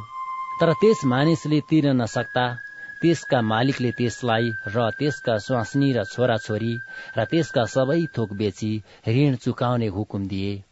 तब त्यस नोकरले घुँडा टेकी तिनका पाउमा परेर भन्न लाग्यो मालिक म माथि धैर्य गर्नुहोस्। म तपाईँको सबै ऋण चुकाउनेछु। तब त्यस नोकरका मालिकले टिठ्याएर त्यसलाई छोडिदिए र त्यसको ऋण माफी गरिदिए। तर त्यस नोकरले निस्केर जाँदा आफ्नो सङ्गी नोकरहरूमध्ये एकजनालाई भेट्यो। जो त्यसको एक सय चाँदीका सिक्काको ऋण थियो उसलाई घोक्रोमा पक्रेर त्यसले भन्यो तेरो ऋण तिरिहाल। तर त्यसको सङ्गी नोकरले घोप्टो पारेर त्यसलाई बिन्ती गर्यो। म धैर्य गर। म तिमीलाई सबै तिरिदिनेछु तर त्यो मानेन र गएर ऋण नतिरुन्जेलसम्म उसलाई झ्यालखानमा हालिदियो। त्यसका सङ्गी नोकरहरूले यी सब देखे र तिनीहरू अति दुखित भए। तिनीहरूले गएर यी सब घटना आफ्ना मालिकलाई बताइदिए। तब मालिकले त्यस नोकरलाई आफू कहाँ बोलाएर भने ए दुष्ट नोकर तैले मसँग बिन्ती गरिस् र मैले तँलाई तेरो ऋण माफी गरिदिएँ। मैले तमाथि दया गरे झै तैले पनि तेरो सँगी नोकरमाथि दया गर्नुपर्ने थिएन। तब त्यसका मालिकले क्रुद भएर त्यसलाई सबै ऋण नतिरुन्जेल दण्ड दिनेहरूका हातमा सुम्पिदिए। तिमीहरूले आफ्नो भाइलाई आफ्नो हृदयदेखि क्षमा गरेनौ भने स्वर्गमा हुनुहुने मेरा पिताले पनि तिमीहरूसँग त्यसै गर्नुहुनेछ।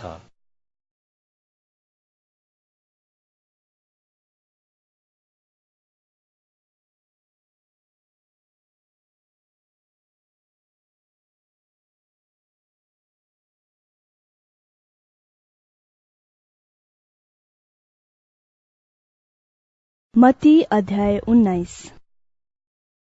यी कुरा बोल्नु भएपछि यसु गालिलबाट यर्दन पारी यहुदाको इलाकातिर जानुभयो। ठूला भीड़हरू उहाँको पछि लागे र उहाँले त्यहाँ मानिसहरूलाई निको पार्नुभयो।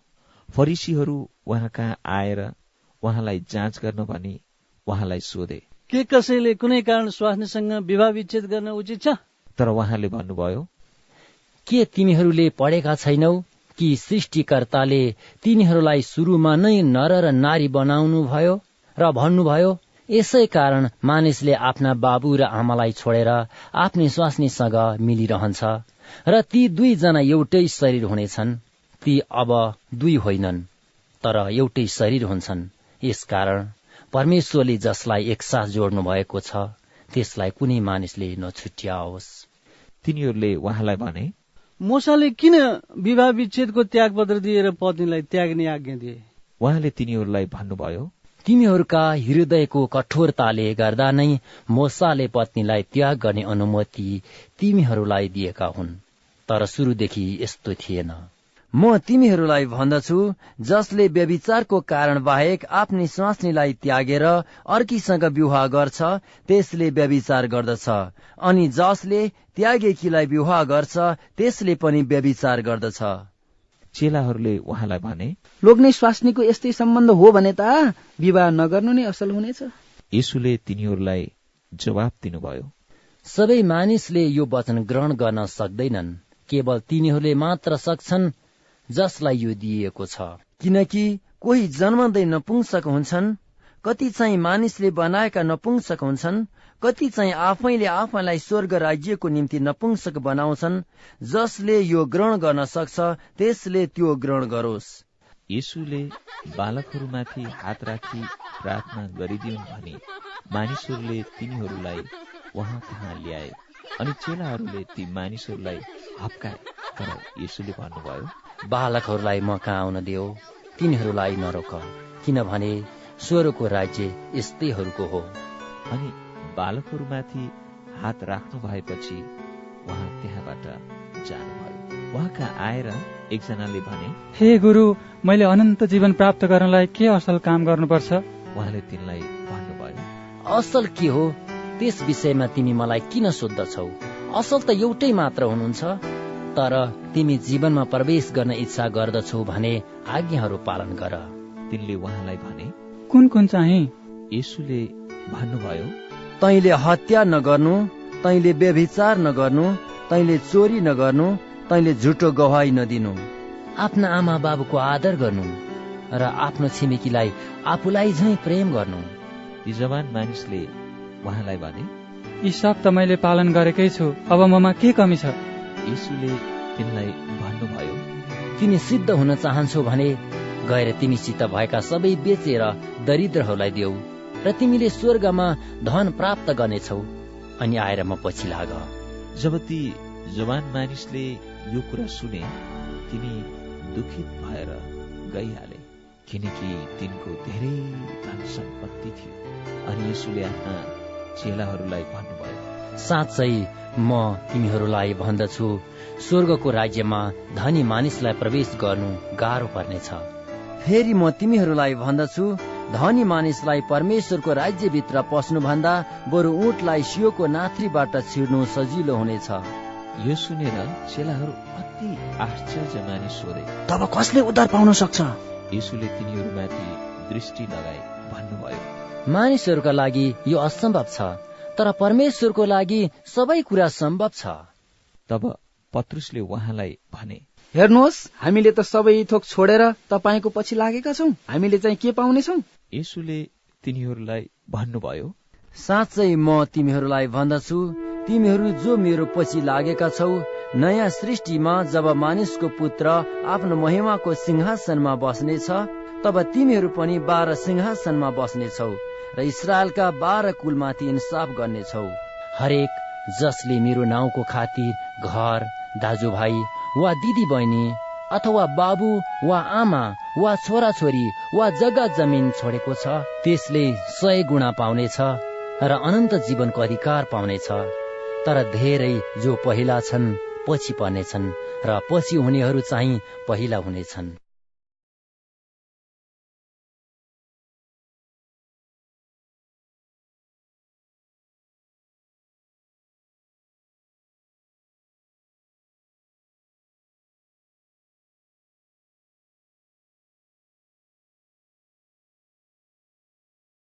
मती अध्याय स्वर्गको राज्य जमिनको एकजना मालिक जस्तो हो। जो बिहान सबेरे आफ्नो दाखबारीमा खेतालाहरूलाई ज्यालामा काम लाउन बाहिर निस्क्यो। खेतालाहरूसँग एक दिनमा पाउने ज्याला तोकेर उसले तिनीहरूलाई आफ्नो दाखबारीमा पठायो। जब ऊ नौ बजेतिर बाहिर निस्क्यो उसले अरूहरूलाई बजारमा बेकाम उभिरहेका देख्यो र उसले तिनीहरूलाई भन्यो तिमीहरू पनि दाखबारीमा जाओ र जे उचित छ म तिमीहरूलाई दिनेछु। अनि तिनीहरू गए।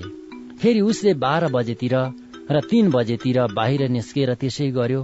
उसले पाँच बजेतिर बाहिर निस्केर अरूहरूलाई उभिरहेका भेटायो र तिनीहरूलाई भन्यो तिमीहरू किन यहाँ दिनभरि बेकाम उभिरहेका छौ? तिनीहरूले उसलाई भने कसैले हामीलाई ज्यालामा लगाएको छैन? उसले तिनीहरूलाई भन्यो तिमीहरू पनि दाखबारीमा जाओ। जब साँझ पर्यो तब दाखबारीको मालिकले आफ्नो कर्मचारीलाई भन्यो खेतालाहरूलाई बोलाएर आखिरी आउनेहरूदेखि लिएर पहिला आउनेहरूसम्मलाई तिनीहरूका ज्याला दियो। पाँच बजे काममा लागेकाहरू आए र तिनीहरू हरेकले पूरा दिनको ज्याला पायो।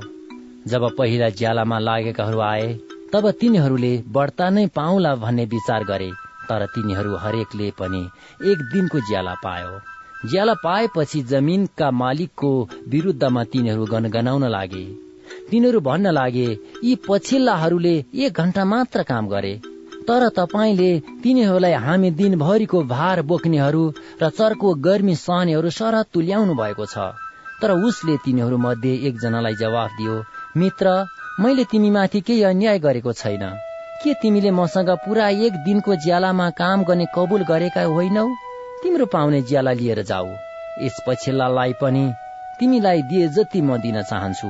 मेरो जति छ त्यो म आफूले चाहे जस्तो गर्न सक्दिन र मेरो उद्धारतामा तिम्रो आँखा किन जल्ने? यसरी नै पछिल्ला पहिला हुनेछन् र पहिला पछिल्ला हुनेछन्। यरुसलेमतिर जाँदै हुनुहुँदा येसुले बाह्र चेलाहरूलाई अलक्क लगेर बाटोमा तिनीहरूलाई भन्नुभयो हामी यरुसलेमतिर जाँदैछौ। अब मानिसको पुत्र मुख्य पूजाहारीहरू र शास्त्रीहरूका हातमा सुम्पिइनेछ र तिनीहरूले उसलाई मृत्यु दण्डको दोषी ठहराउनेछन्। उसलाई गिल्ला गर्न कोर्रा लाउन र कुर्समा टाङ्न भनी तिनीहरूले उसलाई अन्य जातिहरूका हातमा सुम्पनेछन् र तेस्रो दिनमा ऊ जीवित भई उठ्नेछ। तब जप्तियाका छोराहरूकी आमाले आफ्ना छोराहरूलाई साथमा लिई उहाँको सामुन्ने घुँडा टेकी उहाँसँग बिन्ती गरिन्। उहाँले तिनलाई सोध्नुभयो तिमी के चाहन्छौ? तिनले उहाँलाई भनिन् आज्ञा गर्नुहोस् र तपाईँको राज्यमा मेरा यी दुई छोराहरू मध्ये एउटा तपाईँको दाहिने हातपट्टि र अर्को तपाईँको देब्रे हातपट्टि बस्न पाउन् तर यसुले जवाब दिनुभयो तिमीहरू के मागिरहेछौ सो जान्दैनौ। जुन कचौरा मैले पिउन लागेको छु के त्यो तिमीहरू पिउन सक्छौ? तिनीहरूले भने सक्छौ। उहाँले भन्नुभयो मेरो कचौरा तिमीहरू पिउनेछौ तर मेरो दाहिने र देब्रेपट्टि बस्न दिने कुरो मेरो हातमा छैन। यी स्थान तिनीहरूका हुन् जसका निम्ति मेरा पिताले तयार गरिसक्नु भएको छ। यो सुनेर दसैँजना ती दुई भाइसँग रुष्ट भए। तर यसुले तिनीहरूलाई आफू कहाँ बोलाएर भन्नुभयो तिमीहरूलाई थाहा नै छ कि अन्य जातिका शासकहरूले तिनीहरूमाथि निरङ्कुश शासन गर्दछन् र ठुला ठालुहरूले तिनीहरूमाथि अधिकार जमाउँछन्। तिमीहरूका बीचमा यस्तो हुने छैन। तर जो तिमीहरूमा ठुलो हुने इच्छा गर्दछ त्यो तिमीहरूको सेवक हुनुपर्छ। जो तिमीहरू मध्ये पहिलो हुने इच्छा गर्दछ त्यो तिमीहरूको कमारो हुनुपर्छ। जसरी मानिसको पुत्र पनि सेवा पाउनलाई होइन। तर सेवा गर्न र धेरैको छुटकाराको मूल स्वरूप आफ्नो प्राण दिन आयो। उहाँहरू यरियोबाट जाँदै गर्नुहुँदा एउटा ठूलो भीड़ उहाँको पछि लाग्यो। बाटोको छेउमा बसिरहेका दुईजना अन्धाहरूले यसु त्यो बाटो जाँदै हुनुहुन्छ भन्ने सुनेर यसो भनी चिच्चाए हे प्रभु दाउदका पुत्र हामी माथि दया गर्नुहोस्। भीड़ले तिनीहरूलाई चुप लाग भनी हप्काए। तर तिनीहरू यसो भन्दै झन् साह्रो कराए। हे प्रभु दाउदका पुत्र हामी माथि दया गर्नुहोस्। तब यीशु अडिनु भयो र तिनीहरूलाई बोलाएर भन्नुभयो तिमीहरू के चाहन्छौ? म तिमीहरूका निम्ति के गरिदिउ? तिनीहरूले उहाँलाई भने हे प्रभु हाम्रो आँखा खोलिदिनुहोस्। यीशुले टिठाएर तिनीहरूका आँखा छोइदिनु भयो र उत्तिखेरै तिनीहरूले दृष्टि पाए र तिनीहरू उहाँको पछि लागे।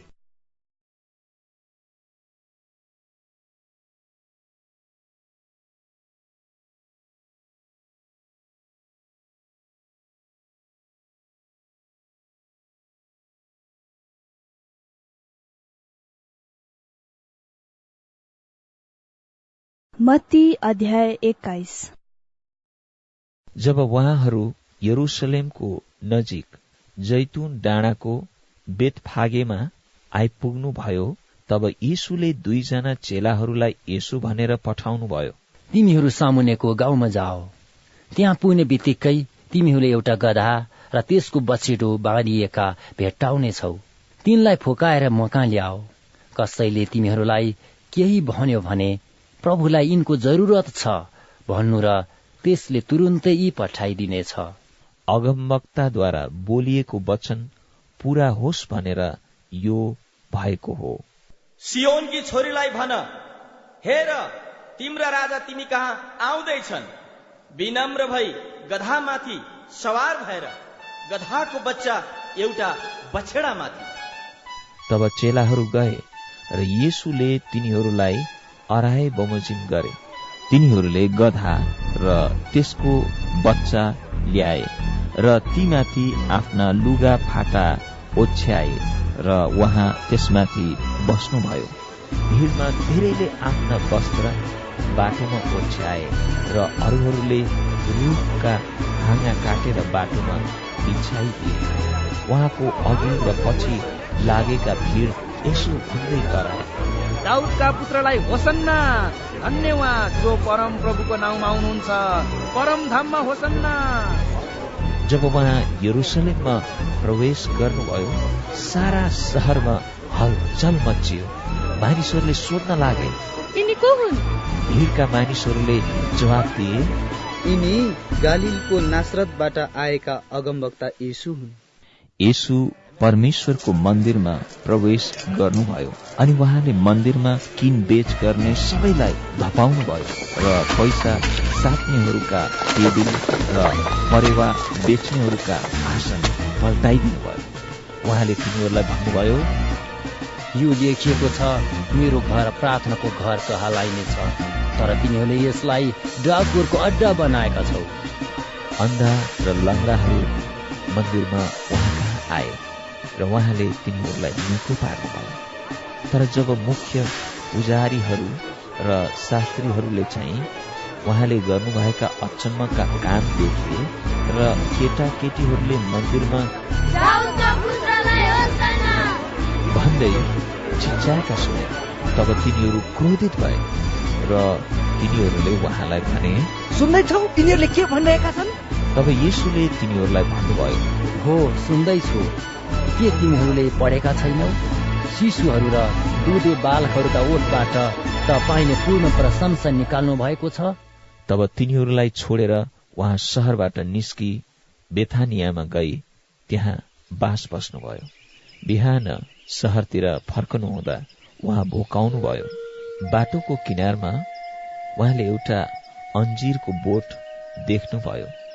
उहाँ त्यस बोटको छेउमा आउनुभयो तर त्यसमा पात बाहेक अरू केही पाउनु भएन।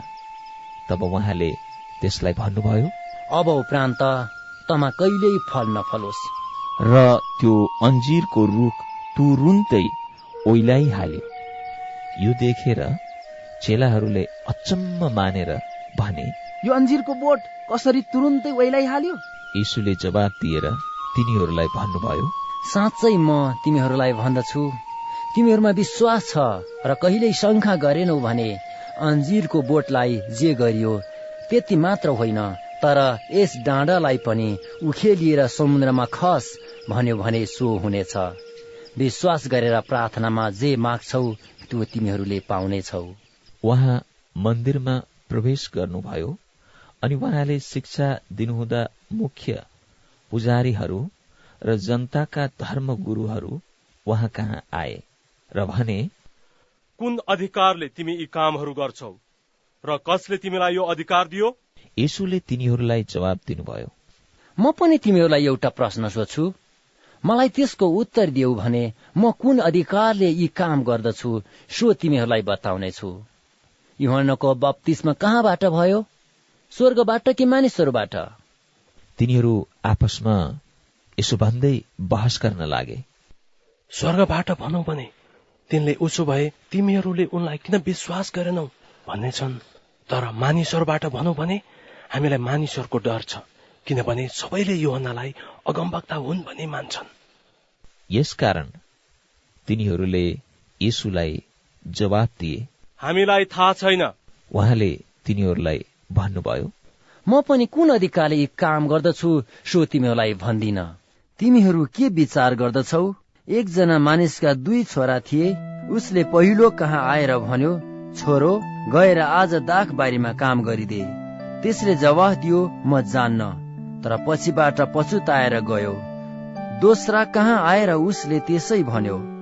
त्यसले जवाफ दियो म जान्छु तर गएन। अब यी दुईमा कुन चाहिँले बाबुको इच्छा पालन गर्यो? तिनीहरूले जवाब दिए पहिलो चाहिँले यसुले तिनीहरूलाई भन्नुभयो साँच्चै म तिमीहरूलाई भन्दछु कर उठाउनेहरू र वेश्याहरू तिमीहरू भन्दा अघि परमेश्वरको राज्यमा प्रवेश गर्छन्। किनकि युहन्ना तिमीहरू कहाँ धार्मिकताको मार्ग देखाउन आए तर तिमीहरूले उनीमाथि विश्वास गरेनौ। तर कर उठाउनेहरू र वेश्याहरूले उनीमाथि विश्वास गरे। तिमीहरूले यो देखेर पनि पश्चाताप गरेनौ अनि उनीमाथि विश्वास गरेनौ। अर्को दृष्टान्त सुन। कोही एकजना गृहस्थी थिए जसले एउटा दाखबारी लगाए र त्यसको वरिपरि बार लगाएर त्यहाँ दाख पेल्ने एउटा कोल राखे र एउटा मचान बनाए। तब मोहीहरूलाई त्यसको ठेक्का दिई उनी परदेश लागे। जब फलको समय नजिक आयो उनले मोहीहरू कहाँ फलको आफ्नो हिस्सा माग्न नोकरहरू पठाए।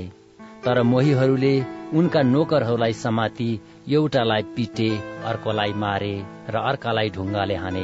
फेरि उनले अघिको भन्दा बढी नोकरहरू पठाए र तिनीहरूले यिनीहरूसँग पनि त्यस्तै व्यवहार गरे। मेरो छोरालाई त तिनीहरूले आदर गर्लान् भन्ने सोचेर अन्त्यमा उनले आफ्नो छोरालाई तिनीहरू कहाँ पठाए? तर मोहीहरूले छोरालाई देखेर आपसमा भने यो त उत्तराधिकारी हो आओ त्यसलाई मारौं। र त्यसको उत्तराधिकार हात पारौं। तब तिनीहरूले तिनलाई समातेर दाखबारी बाहिर लगे र तिनलाई मारे। यसकारण जब दाखबारीका मालिक आउँछन् तब उनले ती मोहीहरूलाई के गर्लान्? तिनीहरूले उहाँलाई भने उनले ती दुष्टहरूलाई सर्वनाश गर्नेछन् र दागबारी अरू मोहीहरूलाई ठेक्कामा दिनेछन् जसले उनलाई फलको हिस्सा समयमा बुझाउनेछन्। यीशुले तिनीहरूलाई भन्नुभयो के तिमीहरूले कहिल्यै धर्मशास्त्रमा पढेनौ? जुन ढुङ्गालाई भवन निर्माण गर्नेहरूले रद्द गरे त्यही चाहिँ कुनाको सिरी ढुङ्गो बन्यो। यो परम प्रभुबाट भएको हो अनि हाम्रो दृष्टिमा यो आश्चर्यमय छ। यसै कारण म तिमीहरूलाई भन्दछु परमेश्वरको राज्य तिमीहरूबाट खोसिनेछ र एउटा यस्तो जातिलाई दिइनेछ जसले त्यसको फल फलाउँछ। यस ढुङ्गामाथि खस्ने चाहिँ टुक्रा टुक्रा हुनेछ तर जसमाथि त्यो ढुङ्गा खस्छ यसले त्यसलाई किच्नेछ। जब मुख्य पूजाहारीहरू र फरिसीहरूले उहाँका दृष्टान्त सुने तब तिनीहरूकै विषयमा उहाँले यो भन्नुभएको हो भन्ने बुझे। तिनीहरूले उहाँलाई समात्न खोजे तर तिनीहरू भीड़सँग डराए किनभने मानिसहरूले उहाँलाई एक अगमवक्ता हुन् भनी ठान्थे।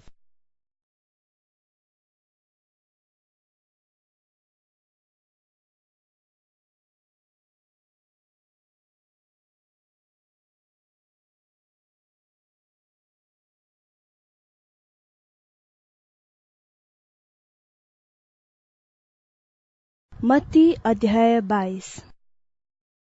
यीशुले फेरि तिनीहरूलाई दृष्टान्तहरूमा भन्नुभयो। स्वर्गको राज्यलाई एकजना राजासँग तुलना गर्न सकिन्छ जसले आफ्नो छोराको विवाह भोज तयार गरे र भोजमा निमन्त्रित व्यक्तिहरू बोलाउन भनी आफ्ना नोकरहरू पठाए तर तिनीहरूले आउन मन गरेनन्।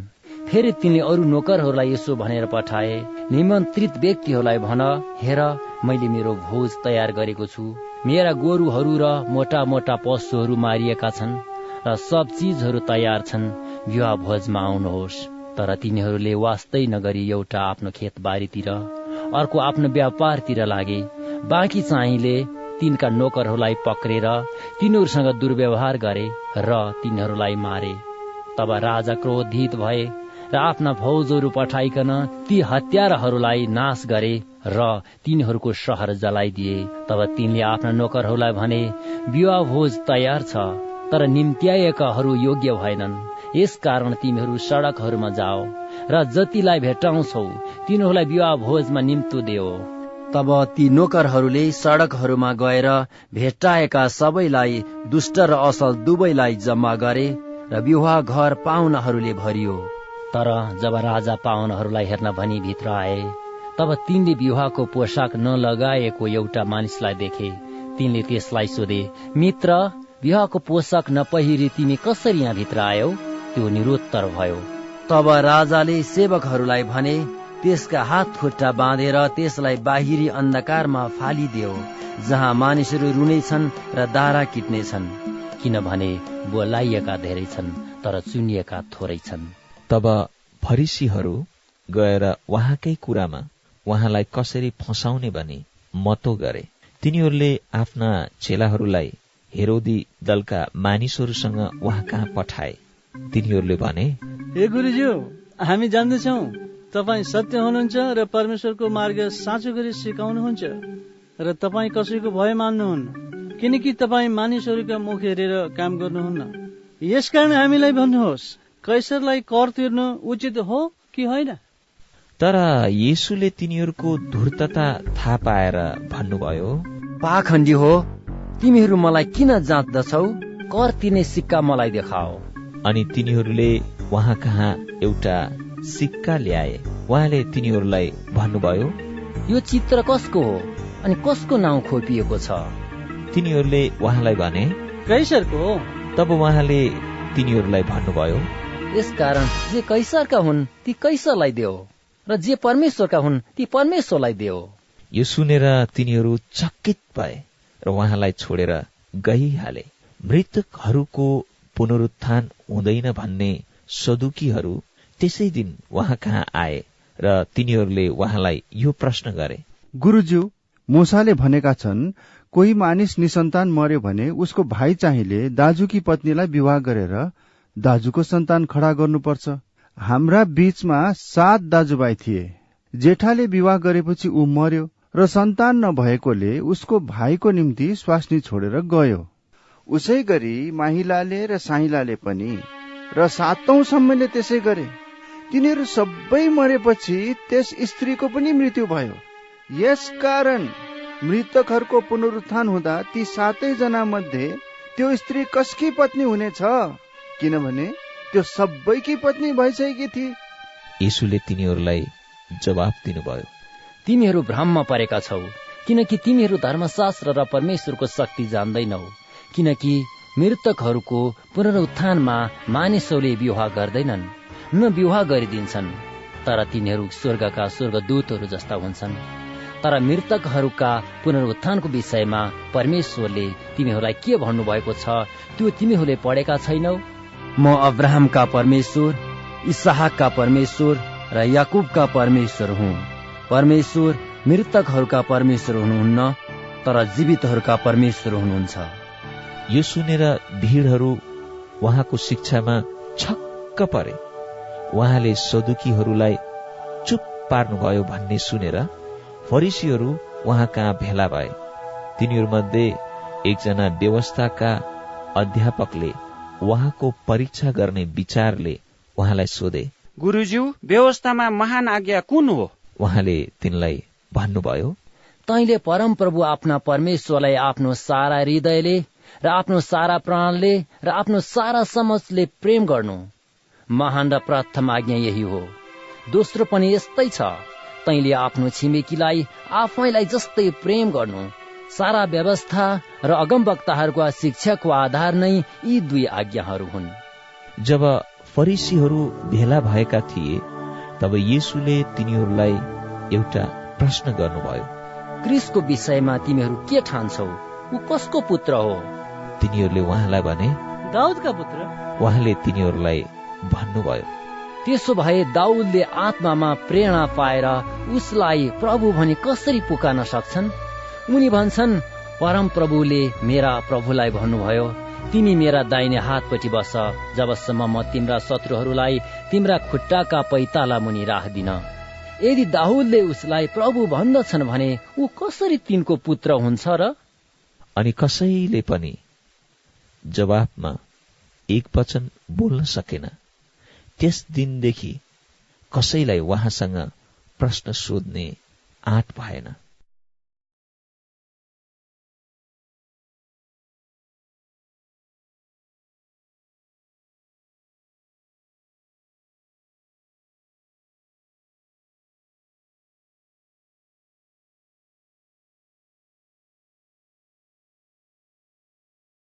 मत्ती अध्याय तेइस। तब यीशुले भीड़हरू र आफ्ना चेलाहरूलाई यसो भन्नुभयो शास्त्रीहरू र फरिसीहरू मोसाको आसनमा बस्दछन्। यसकारण तिनीहरूले भनेका कुरा गर र मान तर तिनीहरूले गरे जस्तो चाहिँ नगर। किनकि तिनीहरूले शिक्षा त दिन्छन् तर त्यस अनुसार गर्दैनन्। तिनीहरूले गरौं र बोक्न नसक्ने भारी बाँधेर मानिसहरूका कानमा राखिदिन्छन्। तर तिनीहरू आफै चाहिँ ती उठाउनलाई एक औंलाले पनि छुँदैनन्। तर तिनीहरू आफ्ना सारा काम मानिसहरूलाई देखाउनलाई गर्दछन्। किनभने तिनीहरू आफ्ना निधार र नाडीका व्यवस्था पत्री ठूला बनाउँछन् र आफ्ना वस्त्रका झुम्काहरू लम्ब्याउँछन् भोजहरूमा तिनीहरू सम्मानका स्थान र सभाघरहरूमा प्रमुख आसनहरू मन पराउँछन्। बजारहरूमा अभिवादन खोज्छन् र मानिसहरूले गुरु भनेका रुचाउँछन्। तर तिमीहरूलाई कसैले गुरुज्यू नभनोस् किनकि तिमीहरूका शिक्षक एउटै हुनुहुन्छ र तिमीहरू चाहिँ सबै दाजुभाइ हौ। तिमीहरू पृथ्वीमा कसैलाई आफ्ना पिता नभन किनकि स्वर्गमा तिमीहरूका एउटै पिता हुनुहुन्छ। तिमीहरूलाई कसैले मालिक नभनोस् किनकि तिमीहरूका एकमात्र मालिक कृष्ण नै हुनुहुन्छ। तिमीहरू मध्ये जो सबैभन्दा उच्च छ त्यो तिमीहरूको सेवक हुनेछ जसले आफूलाई उच्च पार्छ त्यो होच्याइनेछ र जसले आफूलाई होच्याउँछ त्यो उच्च पारिनेछ। धिक्कार तिमीहरूलाई शास्त्री र फरिसी हो पाखण्डीहरू किनकि तिमीहरू मानिसहरूका सामुन्ने स्वर्गका राज्यको ढोका बन्द गर्दछौ। तिमीहरू न त आफै पस्दछौ न पस्न चाहनेहरूलाई पस्न दिन्छौ। धिक्कार तिमीहरूलाई शास्त्री र फरिसी हो पाखण्डीहरू किनकि तिमीहरू विधवाहरूका घर खाइदिन्छौ र लामो लामो प्रार्थना गर्ने भान पार्दछौ यसैले अरूले भन्दा तिमीहरूले ज्यादा दण्ड पाउनेछौ। धिक्कार तिमीहरूलाई शास्त्री र फरिसी हो पाखण्डीहरू। किनकि तिमीहरू एकजनालाई आफ्नो मतमा ल्याउनलाई समुद्र र जमिन चाहर्दछौ र त्यो तिमीहरूको मतमा आएपछि त्यसलाई आफू भन्दा दोबर नरकको छोरो बनाउँछौ। धिक्कार तिमीहरूलाई अन्धा अगुवा हो जसले भन्दछौ कसैले मन्दिरको शपथ खाँदा केही हुँदैन तर मन्दिरका सुनको शपथ खाँदा त्यस शपथले बाँधिनेछ। मूर्ख र अन्धा हो कुन चाहिँ ठुलो हो? सुन कि सुनलाई पवित्र पार्ने मन्दिर? कसैले बेदीको शपथ खाँदा केही हुँदैन तर त्यसमाथि राखिएको भेटीको शपथ खाँदा चाहिँ शपथले बाँधिनेछ। ए अन्धा हो कुन चाहिँ ठुलो हो? भेटी कि भेटीलाई पवित्र पार्ने वेदी? यसकारण वेदीको शपथ खानेले वेदीको र त्यसमाथिका सबै थोकको शपथ खान्छ। मन्दिरको शपथ खानेले मन्दिर र त्यसभित्र बास गर्नुहुनेको शपथ खान्छ। स्वर्गको शपथ खानेले परमेश्वरका सिंहासनको र त्यसमाथि विराजमान हुनुहुनेको शपथ खान्छ। धिक्कार तिमीहरूलाई शास्त्री र फरिसी हो पाखण्डीहरू किनकि तिमीहरू पुदिना र सुप र जिराको दशांश दिन्छौ। तर व्यवस्थाका गहकिला विषयहरू अर्थात् न्याय दया र विश्वासको अवहेलना गरेका छौ। तिमीहरूले दशांश दिने काम गर्नुपर्ने थियो अनि ती गहकिला विषयहरूको अवहेलना नगर्नु पर्ने थियो। अन्धा अगुवा हो तिमीहरू भुसुन्नु चाल्दछौ तर उठलाई चाहिँ निली हाल्दछौ। धिक्कार तिमीहरूलाई शास्त्री र फरिसी हो पाखण्डीहरू किनभने तिमीहरू कचौरा र थालको बाहिरपट्टि माझ्दछौ तर भित्रपट्टि भने ती लोभ र असंयमले भरिएका हुन्छन्। अन्धा फरिसी हो पहिले कचौरा र थालको भित्रपट्टि सफा पार र तिनको बाहिरपट्टि पनि सफा होस्। धिक्कार तिमीहरूलाई शास्त्री र फरिसी हो पाखण्डीहरू किनकि तिमीहरू चुन लाइराखेका च्यानहरू जस्ता छौ। जो बाहिरपट्टि सुन्दर देखा पर्छन् तर भित्रपट्टि भने मरेका मान्छेहरूका हाडहरू र सबै अशुद्धताले भरिएका हुन्छन्। यसरी नै तिमीहरू पनि बाहिर भने मानिसहरूका सामान्य धर्मी देखा पर्दछौ तर भित्र भने कपट र दुष्टताले भरिएका छौ। धिक्कार तिमीहरूलाई शास्त्री र फरिसी हो पाखण्डीहरू किनकि तिमीहरू अगम वक्ताका च्यानहरू बनाउँछौ र धार्मिकका स्मारकलाई सिँगार्छौ। र भन्दछौ हामी आफ्ना पुर्खाहरूका समयमा भए ता हामी अगमवक्ताहरूको रगत बहाउनमा उनीहरूसँग सहभागी हुने थिएनौ। यसरी तिमीहरू अगमवक्ताहरूलाई हत्या गर्नेका सन्तान हौ भन्ने प्रमाण तिमीहरू आफै दिन्छौ। तिमीहरूका पुर्खाहरूले गरेका पापको काम पूरा गर।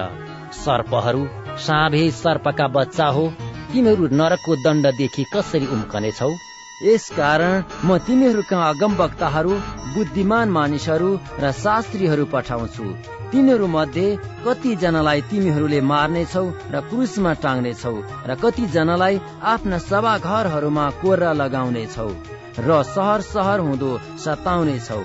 पृथ्वीमा बगाइएका सब धर्मीजनको रगत निर्दोष हाबिलको रगतदेखि लिएर बेरेक्याहाका छोरा जकरियाको रगतसम्म जसलाई तिमीहरूले पवित्र स्थान र वेदीका बीचमा हत्या गर्यौ सो तिमीहरूकै टाउकोमा पर्नेछ।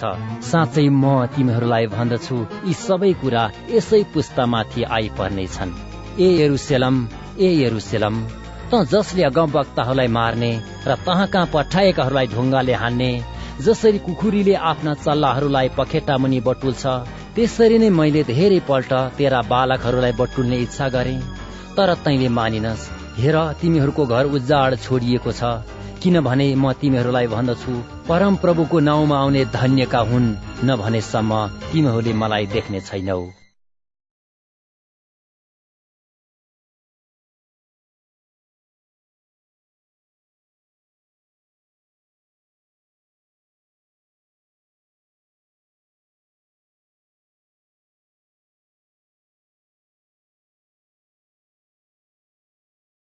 मत्ती अध्याय चौबिस।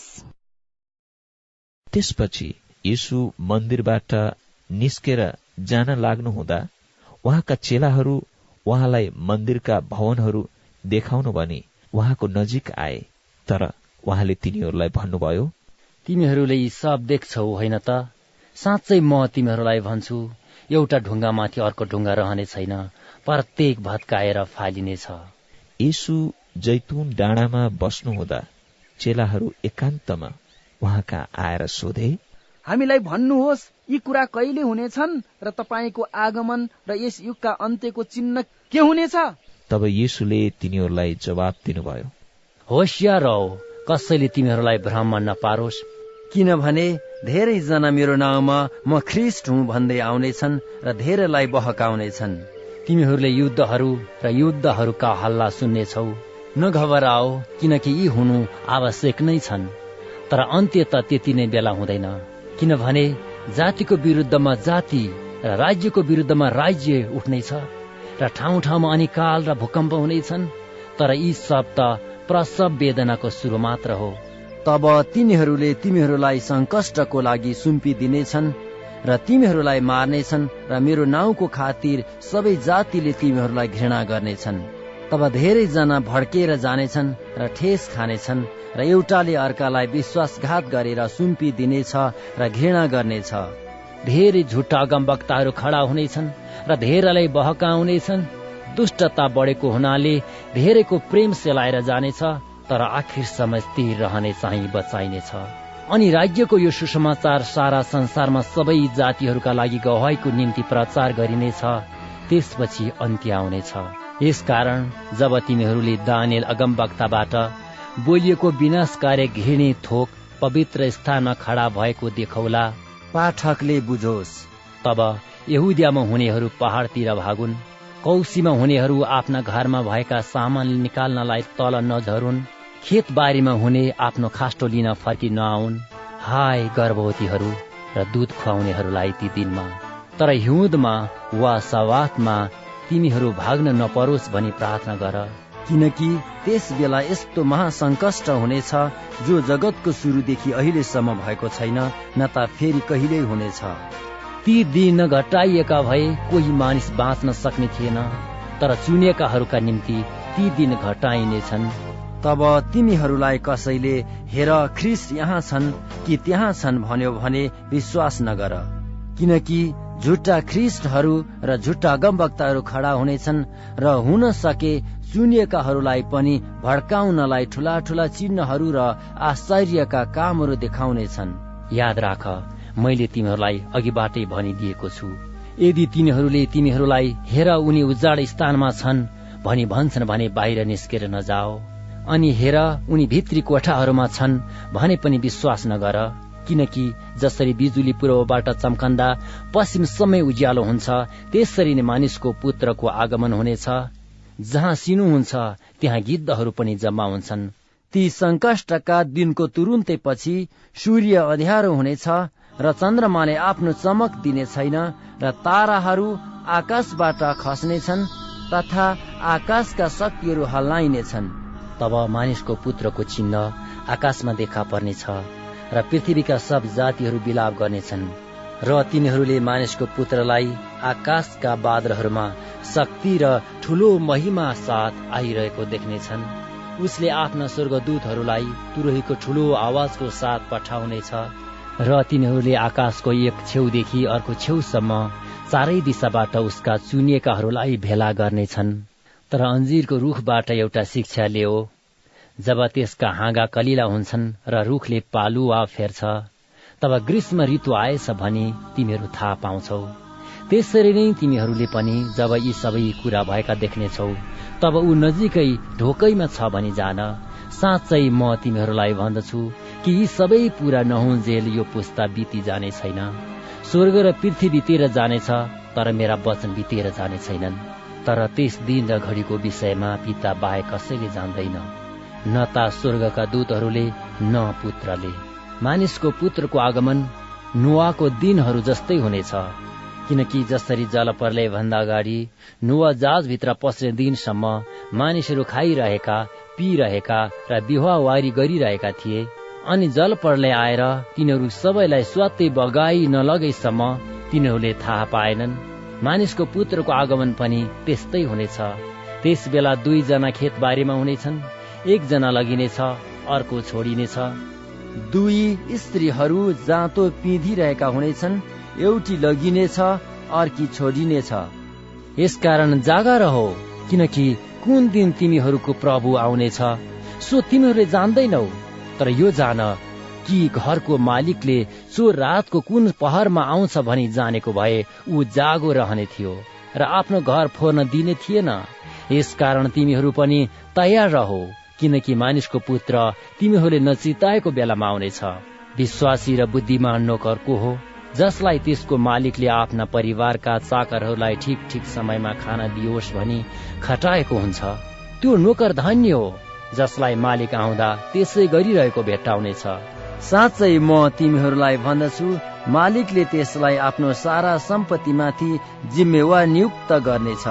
तर यदि त्यस दुष्ट नोकरले मेरा मालिक बिहानो गर्छन् भनी मनमा ठानी आफूसँगै काम गर्ने नोकरहरूलाई पिट्न र मतवालाहरूसँग खान र पिउन लाग्यो भने त्यस नोकरको मालिक त्यसले नचिताएको दिन र नजानेको घडीमा आइपुग्नेछ अनि मालिकले त्यसलाई कठोर दण्ड दिनेछ र त्यसलाई पाखण्डीहरूका माझ फालिदिनेछ जहाँ मानिसहरू रुनेछन् र दारा किट्नेछन्।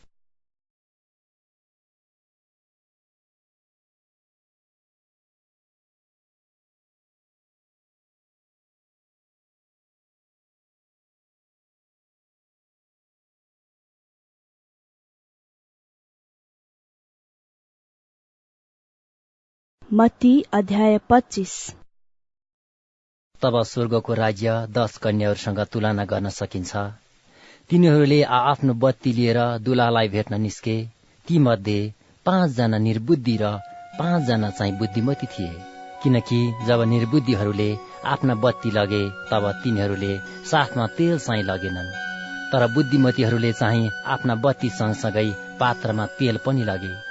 दुलाहाले बिहालो गर्दा ती सबै निन्द्राले लट्ठ भए र निधाए तर मध्यरातमा हेर दुलाहा उनलाई भेट्न आओ भन्ने आवाज आयो। तब ती सबै कन्याहरू बिउजे र आफ्नो आफ्नो बत्ती ठिकठाक पारे। निर्बुद्धि कन्याहरूले बुद्धिमतीहरूलाई भने तिमीहरूको तेलबाट हामीलाई अलिकता देऊ किनभने हाम्रा बत्ती त निम्न लागे।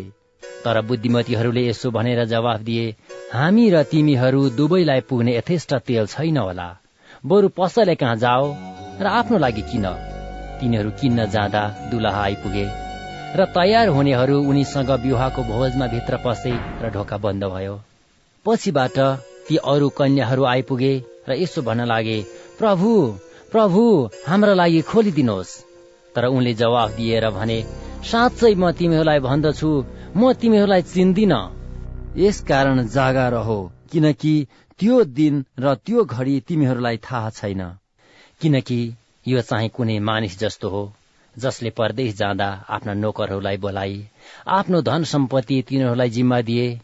तिनले हरेकलाई तिनीहरूका आफ्नो योग्यता अनुसार एउटालाई पाँच सुनका सिक्का अर्कालाई दुई र अर्कालाई एक दिएर तिनी गइहाले। तब पाँच सुनका सिक्का पाउनेले तुरुन्तै गएर त्यो व्यापारमा लगाइकन अरू पाँच सिक्का कमायो। त्यसरी नै दुई सिक्का पाउनेले पनि अरू दुई कमायो तर एक सिक्का पाउनेले चाहिँ गएर भुइँ खनेर आफ्ना मालिकको धन लुकाइराख्यो। धेरै दिनपछि ती नोकरहरूका मालिक आए र तिनले तिनीहरूसँग हिसाब मागे। तब पाँच सुनका सिक्का पाउने नोकरले अरू पाँच सिक्का ल्याई अगाडि आएर यसो भन्यो हजुर तपाईँले मलाई पाँच सिक्काको जिम्मा दिनुभएको थियो। हेर्नुहोस् मैले अरू पाँच सिक्का कमाएको छु। मालिकले त्यसलाई भने स्याबास असल विश्वासी नोकर त थोरै कुरामा विश्वासी भइस अब म तँलाई धेरै कुराको जिम्मा दिनेछु। त आफ्ना मालिकको खुसीमा सहभागी हो। दुई सिक्का पाउनेले पनि आएर भन्यो हजुर तपाईँले मलाई दुई सिक्का दिनुभएको थियो। हेर्नुहोस् मैले अरू दुई सिक्का कमाएको छु। त्यसका मालिकले त्यसलाई भने स्याबास असल विश्वासी नोकर त थोरै कुरामा विश्वासी भइस अब म तँलाई धेरै कुराको जिम्मा दिनेछु। त आफ्ना मालिकको खुसीमा सहभागी हो। एक सुनको सिक्का पाउनले पनि आएर भन्यो हजुर नरोपेको जग्गाबाट कटनी गर्ने र ननिफनेको ठाउँबाट बटुल्ने तपाईँ कठोर मानिस हुनुहुन्छ भन्ने मलाई थाहा थियो। यसैले मलाई डर लाग्यो। र गएर तपाईँको सिक्का मैले माटो मुनि लुकाइराखे। हेर्नुहोस् यो तपाईँको सिक्का लिनुहोस्। त्यसका मालिकले त्यसलाई जवाफ दिए ए दुष्ट अल्छे नोकर नरोपेको ठाउँमा कटनी गर्छु र ननिफनेको ठाउँबाट बटुल्छु भनेर तैले जानेको थिइस् भने तैले मेरो धन साउका राख्नु पर्ने थियो र आएर मैले मेरो धन ब्याज समेत फिर्ता पाउने थिएँ। यसकारण त्यसबाट त्यो सिक्का खोस। र जससँग दस सिक्का छ त्यसलाई दियो। किनभने जससँग छ त्यसलाई अरू दिइनेछ र त्यससँग प्रशस्त हुनेछ। तर जससँग छैन त्यससँग भएको पनि त्यसबाट खोसिनेछ। त्यस बेकममा नोकरलाई चाहिँ बाहिरी अन्धकारमा फालिदियो जहाँ मानिसहरू रुनेछन् र दारा किट्नेछन्। जब मानिसको पुत्र सारा स्वर्गदूतहरूसँग आफ्नो महिमामा आउनेछ तब ऊ आफ्नो महिमामय सिंहासनमा बस्नेछ र उसको सामुन्ने सबै जातिहरू भेला हुनेछन् र जसरी गोठालाले भेडा र बाख्रालाई छुट्याउँछ त्यसरी नै उसले तिनीहरूलाई एउटालाई अर्काबाट अलग गर्नेछ। उसले भेडाहरूलाई आफ्नो दाहिनेपट्टि र बाख्राहरूलाई देब्रेपट्टि राख्नेछ तब राजाले आफ्ना दाहिनेपट्टिकाहरूलाई भन्नेछ आओ मेरा पिताका धन्यका हो। संसारको उत्पत्तिदेखि तिमीहरूका निम्ति तयार गरिएको राज्यलाई अधिकार गर। किनभने म भोकाएको थिएँ तिमीहरूले मलाई खान दियौ। म तिर्खाएको थिएँ तिमीहरूले मलाई पिउन दियौ। म परदेशी थिएँ तिमीहरूले मलाई आश्रय दियौ। नाङ्गै थिएँ तिमीहरूले मलाई वस्त्र लगाइदियौ बिरामी थिएँ तिमीहरू मलाई हेर्न आयौ। झ्यालखानमा थिएँ तिमीहरू म कहाँ आयौ? तब धर्मी जनहरूले उनलाई जवाफ दिनेछन् हे प्रभु कहिले हामीले तपाईँलाई भोकाउनु भएको देख्यौं र खाना दियौं अथवा तिर्खाउनु भएको थियो र पिउन दियौं? कहिले हामीले तपाईँलाई परदेशी देख्यौं र तपाईँलाई आश्रय दियौं? अथवा नाङ्गो देख्यौं र वस्त्र लगाइदियौं? र कहिले हामीले तपाईँलाई बिरामी वा झ्याल खानमा देख्यौं र तपाईँ कहाँ आयौं? तब राजाले तिनीहरूलाई जवाफ दिएर भन्नेछन् साँच्चै म तिमीहरूलाई भन्दछु। तिमीहरूले यी मेरा भाइहरू मध्ये सबैभन्दा सानामा एकजनालाई जे जति गर्यौ त्यो तिमीहरूले मलाई नै गर्यौ। त्यसपछि उनले देब्रेपट्टिका मानिसहरूलाई भन्नेछन् श्रापित मानिस हो मबाट दूर हो र दियावलस र त्यसका दूतहरूका लागि तयार गरिएको अनन्तको आगोमा जाओ। किनभने म भोकाएको थिएँ तिमीहरूले मलाई खान दिएनौ। तिर्खाएको थिएँ। तिमीहरूले मलाई पिउन दिएनौ। म परदेशी थिएँ। तिमीहरूले मलाई आश्रय दिएनौ। नाङ्गो थिएँ र तिमीहरूले मलाई वस्त्र लगाइदिएनौ बिरामी र झ्यालखानमा थिएँ र तिमीहरू मलाई हेर्न आएनौ। तिनीहरूले पनि यसो भनेर जवाफ दिनेछन्। प्रभु कहिले हामीहरूले तपाईँलाई भोकाएको वा तिर्खाएको देख्यौं? परदेशी वा नाङ्गो वा बिरामी देख्यौं वा झ्यालखानमा देख्यौं र तपाईँको सेवा गरेनौ? तब उनले तिनीहरूलाई जवाफ दिनेछन् साँच्चै म तिमीहरूलाई भन्दछु। यी सबैभन्दा सानाहरू मध्ये एकजनालाई जे जति गरेनौ त्यो तिमीहरूले मेरो निम्ति गरेनौ। तब यिनीहरू अनन्त दण्डको भागी हुनेछन् तर धर्मी जनहरू अनन्त जीवनमा प्रवेश गर्नेछन्।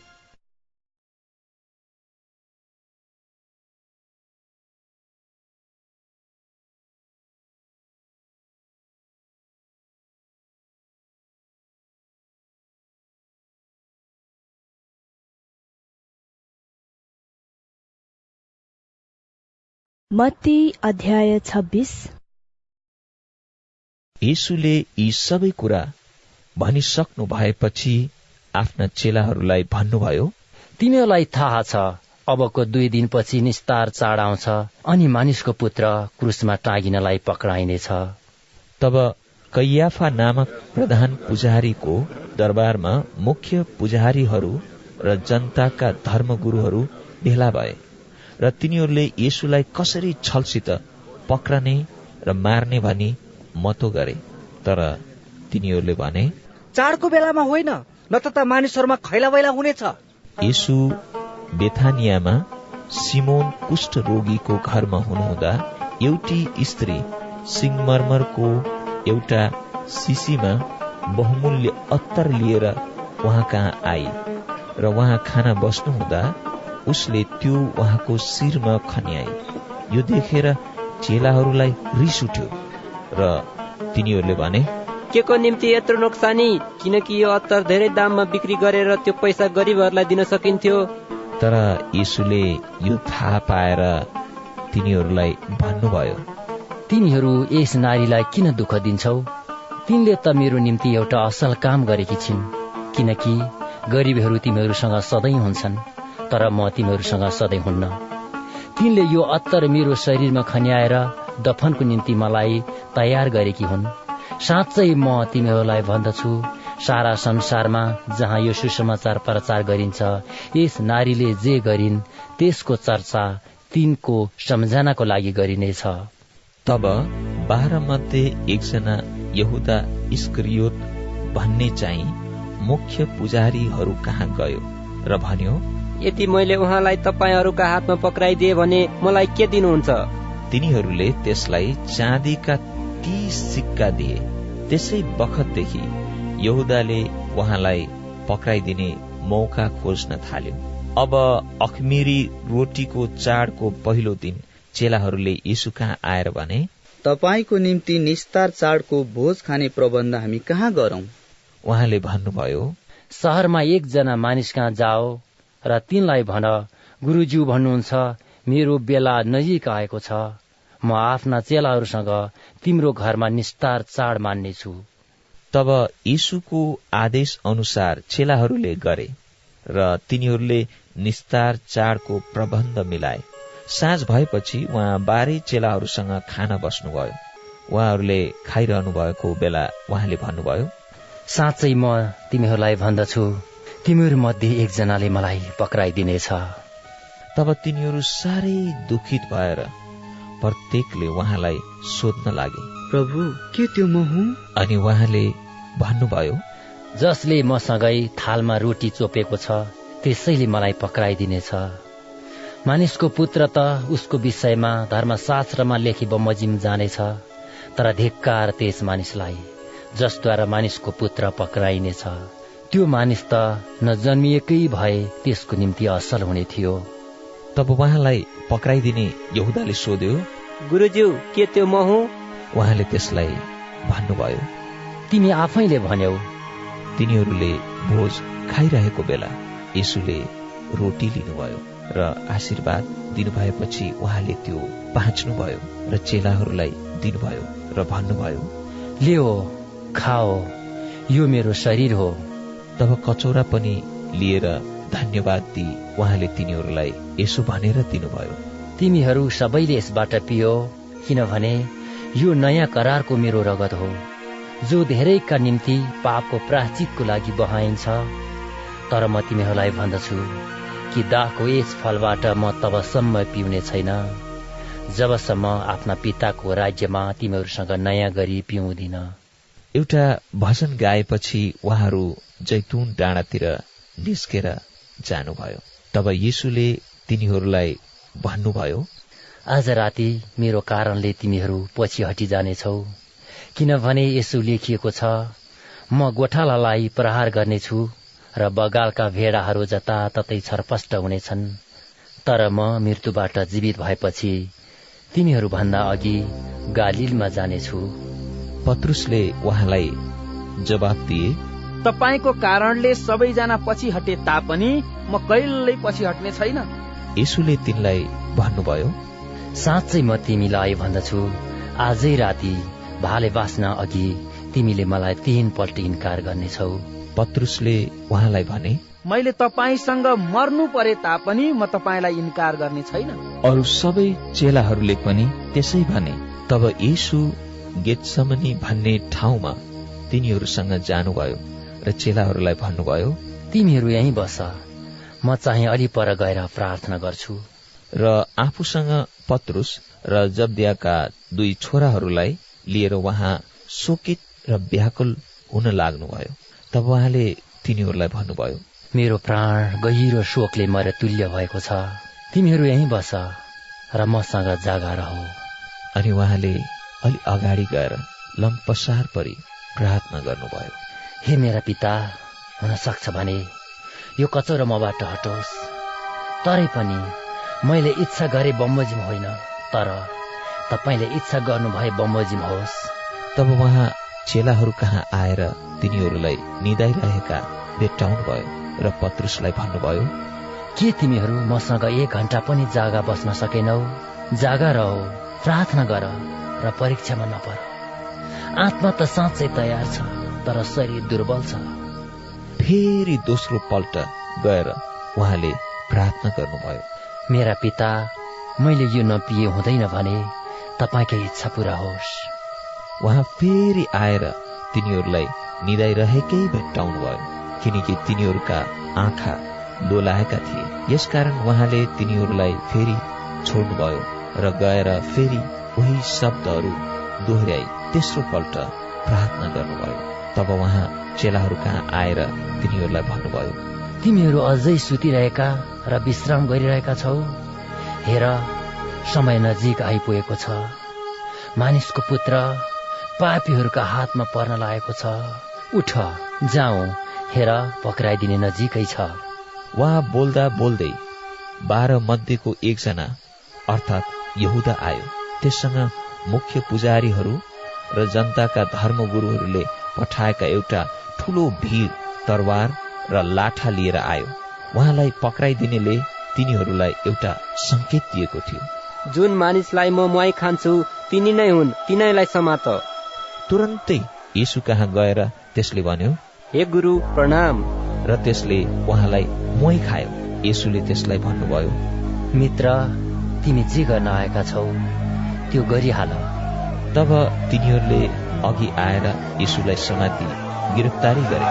यीशुको साथमा उनीहरू मध्ये एउटाले हात बढाएर आफ्नो तरवार छिक्यो र मुख्य पुजारीको दासलाई प्रहार गर्यो र त्यसको कान छिनाइदियो। तब यीशुले तिनलाई भन्नुभयो तिम्रो तरबार म्यानमा हाल किनभने तरबारले नै सबै तरबारले नै नष्ट हुनेछन्। तिमी के ठान्दछौ? के म आफ्ना पितालाई बिन्ती गर्न सक्दिन र उहाँले तुरुन्तै स्वर्गदूतहरूका बाह्र पल्टन भन्दा बढी मेरो निम्ति पठाइदिनुहुन्न र तर त्यसो भएदेखि यी कुरा यसरी हुनै पर्छ भनी धर्मशास्त्रमा लेखिएको कुरा कसरी पूरा हुने? त्यसै बेला यसुले भिडलाई भन्नुभयो डाकुको विरुद्धमा आए झै मलाई पक्रन तरवार र लाठहरू लिएर तिमीहरू किन आयौ? म दिनहुँ मन्दिरमा शिक्षा दिँदै बस्थे र तिमीहरूले मलाई पक्रेनौ। तर अगमवक्ताहरूका धर्मशास्त्रहरू पूरा हुन् भनी यी सबै हुन आएका हुन्। तब सबै चेलाहरू उहाँलाई छोडेर भागे। यसुलाई पक्रनेहरूले उहाँलाई प्रधान पुजारी कैयाफा कहाँ लगे। त्यहाँ शास्त्रीहरू र धर्मगुरूहरू भेला भएका थिए। तर पत्रुस टाढीबाट प्रधान पुजारीका भवनको आँगनसम्मै उहाँको पछि पछि लागे। र अन्त्यमा के हुने हो सो हेर्नलाई भित्र पसेर पालेहरूसँग बसे। अब मुख्य पूजाहारी र जम्मै महासभाले यसुलाई मृत्यु दण्ड दिनलाई उहाँको विरुद्धमा झुटो गवाई खोज्न लागे। धेरै झुटो गवाई दिनेहरू आए तर तिनीहरूले कुनै प्रमाण पाएनन् आखिरमा दुईजना अघि आए र भने यस मानिसले म परमेश्वरको मन्दिर भत्काएर तीन दिनमा यसलाई निर्माण गर्न सक्छु भन्यो। तब प्रधान पुजारीले उठेर उहाँलाई भने के त? केही जवाब दिएनस्? यी मानिसहरूले तेरो विरुद्धमा दिएको गवाई के हो? तर यीशु चुप रहनुभयो। प्रधान पुजारीले उहाँलाई भने जीवित परमेश्वरको शपथ खाएर भन्दछु। हामीलाई बता के त परमेश्वरको पुत्र ख्रिस्ट होस्? यीशुले तिनलाई भन्नुभयो? तपाईँले नै भनिहाल्नुभयो। तापनि म तपाईँहरूलाई भन्दछु। अब उपरान्त तपाईँहरूले मानिसको पुत्रलाई सर्वशक्तिमानको दाहिने हातपट्टि बसेको र आकाशको बादलमा आइरहेको देख्नुहुनेछ। तब प्रधान पुजारीले आफ्ना वस्त्र च्याते र भने यसले त ईश्वर निन्दा बोल्यो। हामीलाई अब अरू साक्षीहरूको के दरकार पर्यो र? तपाईँहरूले अहिले यसले बोलेको ईश्वर निन्दा सुनिहाल्नु भयो। तपाईँहरूको के राय छ? तिनीहरूले जवाब दिए यो प्राणदण्डको योग्य छ। तब तिनीहरूले उहाँको मुखमा थुकेर उहाँलाई मुक्का लगाए र कसै कसैले यसो भन्दै थप्पड लाए। ए ख्रिस्ट ल अगमबाणी धन तँलाई हिर्काउने कहो पत्रुस बाहिर आँगनमा बसिरहेका थिए। एउटी नोकर्नीले तिनी कहाँ आएर भनी तिमी पनि गाली निवासी यीशुसँग थियौ। तर तिनले उनीहरू सबैका सामुन्ने इन्कार गरेर भने तैँले के भन्दैछस्? म जान्दिन। तिनी बाहिर दलानमा निस्केपछि अर्कीले तिनलाई देखि र त्यहाँ भएकाहरूलाई भने यो मानिस पनि यीशु नासरीसँगै थियो। तिनले फेरि शपथ खाएर इन्कार गरे। म ती मानिसलाई चिन्दिन। अलि बेरपछि त्यहाँ भएकाहरूले पनि नजिक आएर पत्रुसलाई भने साँच्चै तिमी पनि तिनीहरू मध्येका एक हो किनकि तिम्रो बोलीले नै तिमीलाई जाहेर गर्दछ। तब पत्रुसले आफैलाई सराप्दै शपथ खान लागे। म ती मानिसलाई चिन्दै चिन्दिन। अनि तुरन्तै भाले बास्यो। तब पत्रुसलाई यीशुले भन्नुभएको यो कुरा याद भयो। भाले बाँच्न अघि तिमीले मलाई तीन पल्ट इन्कार गर्नेछौ। तब तिनी बाहिर गएर धुरु धुरु रोए।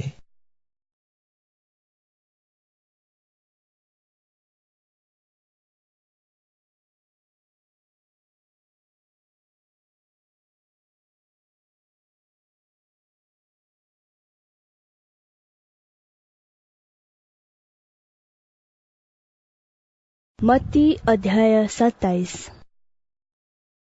बिहान सबेरै सबै मुख्य पुजारीहरू र जनताका धर्मगुरूहरूले यीशुलाई मृत्युदण्ड दिन भनी उहाँको विरुद्धमा सरसल्लाह गरे अनि तिनीहरूले उहाँलाई बाँधेर लगे र हाकिम पिलातस कहाँ सुम्पिदिए। तब उहाँलाई पक्राउने यहुदाले उहाँमाथि दण्ड आज्ञा भएको देखिकन पछुतो गर्यो र मुख्य पुजारीहरू र धर्मगुरूहरूलाई चाँदीका तीस सिक्का फिर्ता दिन ल्यायो र भन्यो मैले निर्दोष मानिसलाई धोका दिएर पाप गरेको छु। तर तिनीहरूले भने हामीलाई के मतलब? त आफै जान। तब चाँदीका ती सिक्काहरू मन्दिरमा फ्याँकेर त्यो गयो र त्यसले झुन्डेर आत्महत्या गर्यो। तर मुख्य पुजारीहरूले चाँदीका ती सिक्काहरू लिएर भने ढुकुटीमा राख्न यो उचित छैन किनकि यो रगतको मल हो। तिनीहरूले आपसमा सल्लाह गरेर त्यस पैसाले परदेशीहरू दफन गर्न कुमालेको जमिन किने। यसै कारण त्यो जमिन आजसम्म पनि रगतको जमिन कहलाइन्छ। तब यर्मिया अगमवक्ताले भनेको कुरा पूरा भयो। तिनीहरूले चाँदीका तीस सिक्का लिए। त्यस मूल्यको रूपमा जुन मूल्य इसरायलका छोराहरूले तिनीमाथि तोकेका थिए। र परमप्रभुले मलाई आदेश दिनु भए अनुसार कुमालेको जमिनको निम्ति तिनीहरूले दिए। यीशु हाकिमको सामु उभिनु भयो र तिनले यसुलाई सोधे के तिमी यहुदीहरूका राजा हौ? यसुले भन्नुभयो तपाईँ नै त्यसो भन्नुहुन्छ। अनि मुख्य पुजारीहरू र धर्म गुरुहरूले उहाँमाथि दोष लगाए। तर उहाँले केही जवाब दिनु भएन तब पिलातसले उहाँलाई भने तिम्रो विरुद्धमा तिनीहरूले अनेक कुराहरूको गवाई दिँदैछन्। के तिमी सुन्दैनौ? तर उहाँले तिनलाई एउटै अभियोगको पनि जवाब दिनु भएन। हाकिम पनि यस कुरामा साह्रै छक्क परे। निस्तार चाडमा भिडले चाहे बोमोजिम हाकिमले एकजना कैदी छोडिदिने प्रथा थियो। त्यसबेला बारब्बा नाउँ भएको एकजना कुख्यात कैदी थियो। जब मानिसहरू भेला भए पिलातसले तिनीहरूलाई सोधे तिमीहरू के चाहन्छौ? म तिमीहरूका निम्ति कसलाई छोडिदिउ? बरब्बा कि ख्रिस्ट कहलाइने येसुलाई?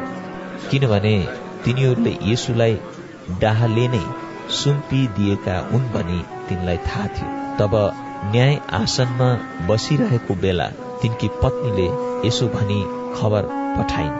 त्यस निर्दोष मानिसलाई केही नगर्नुहोस् किनकि आज सपनामा तिनको कारण मैले धेरै दुःख भोगेकी छु। तर मुख्य पुजारीहरू र धर्मगुरुहरूले बारब्बालाई छोडिदिने र यीशुलाई मृत्युदण्ड दिने माग गर्न भनी मानिसहरूलाई सुर्याए हाकिमले फेरि तिनीहरूलाई सोधे यी दुईमा कुन चाहिँलाई म तिमीहरूका निम्ति मुक्त गरिदिउँ भन्ने तिमीहरू चाहन्छौ? तिनीहरूले भने बरब्बालाई! पिलातसले तिनीहरूलाई भने तब ख्रिस्ट कहलाइने येसुलाई चाहिँ म के गरौँ त? तिनीहरू सबैले जवाब दिए तिनले भने? किन? तिनले के अपराध गरेका छन् र? तर तिनीहरू अझ बढी यसो भन्दै टाँगियोस् तर केही सिप नलागेको देखेर बरु खैला बैला मचिन्छ भन्ने डरले पिलातसले पानी लिई भिडको सामु आफ्ना हात धोएर भने तिमीहरू आफै जान म यस मानिसको रगतदेखि निर्दोष। सबै मानिसहरूले जवाब दिए। उसको रगत हामीहरू र हामीहरूका सन्तानमाथि परोस्। तब तिनले तिनीहरूका निम्ति बारब्बालाई छोडिदिए तर यीशुलाई कोर्रा लगाएर क्रुसमा टाँगिनलाई सुम्पिदिए। तब हाकिमका सिपाहीहरूले यीशुलाई महलमा लगे र जम्मै पल्टनलाई उहाँको सामुन्ने भेला गराए। तिनीहरूले उहाँको वस्त्र फुकालेर उहाँलाई लाल वस्त्र लगाइदिए। तिनीहरूले काँडाको मुकुट गाँथेर उहाँको शिरमा लगाइदिए र उहाँको दाहिने हातमा निगालो दिए र उहाँको सामु घुँडा टेकेर उहाँलाई यसो भन्दै उहाँको जिल्ला गरे हे यहुदीहरूका राजा प्रणाम। तब तिनीहरूले उहाँलाई थुके त्यो निगालो लिएर उहाँको शिरमा हुर्काए उहाँको गिल्ला गरिसकेपछि तिनीहरूले त्यो वस्त्र फुकालिदिए र उहाँको आफ्नै वस्त्र पहिराएर उहाँलाई क्रुसमा झुन्ड्याउन लगे। जाँदा जाँदै तिनीहरूले सिमोन नाउँ भएको कुरेनीको एकजना मानिसलाई भेट्टाए र तिनीहरूले त्यसलाई उहाँको क्रुस बोक्न कर लाए। जब तिनीहरू गलगथा भन्ने ठाउँमा आइपुगे जसलाई खप्परे ठाउँ भनिन्छ तब तिनीहरूले उहाँलाई पित्त मिसाएको दाख मद्द पिउन दिए तर उहाँले चाखेर त्यो पिउन चाहनु भएन तिनीहरूले उहाँलाई क्रुसमा टाँगेपछि चिट्ठा हालेर उहाँका वस्त्रहरू आपसमा बाँडे। तब त्यहाँ बसेर तिनीहरूले उहाँलाई पहरा दिन लागे। यीशु यहुदीहरूको राजा भन्ने उहाँको विरुद्धको दोष पत्र तिनीहरूले उहाँको शिरदेखि मासतिर टाँसिदिए। उहाँसँग दुईजना डाकुहरू क्रुसमा झुन्डाइएका थिए। एउटा उहाँको दाहिनेपट्टि र अर्को देब्रेपट्टि। त्यहाँबाट आउने जानेहरूले आफ्नो मुन्टो हल्लाएर उहाँको गिल्ला गरे। र भने ए मन्दिर भत्काउने र तीन दिनमा निर्माण गर्ने आफैलाई बचा र परमेश्वरको पुत्र होस् भने क्रुसबाट ओर्लेर तल आइज। मुख्य पुजारीहरूले पनि शास्त्रीहरू र धर्मगुरुहरूका सँगसँगै उहाँको गिल्ला गर्दै भने यसले अरूलाई त बचायो। आफूलाई चाहिँ बचाउन सक्दैन। यो इसरायलको राजा हो। अहिले क्रुसबाट तल ओर्लेर आओस्। र हामी यसलाई विश्वास गर्नेछौँ। यसले परमेश्वरमा भरोसा राख्छ। परमेश्वरले यसलाई चाहनुहुन्छ भने उहाँले यसलाई अहिले छुटकारा दिउन् किनकि यसले म परमेश्वरको पुत्र हुँ भनी भन्थ्यो। अनि उहाँसँग क्रुसमा झुन्डाइएका ती डाकुहरूले पनि यही किसिमले उहाँको अपमान गरे।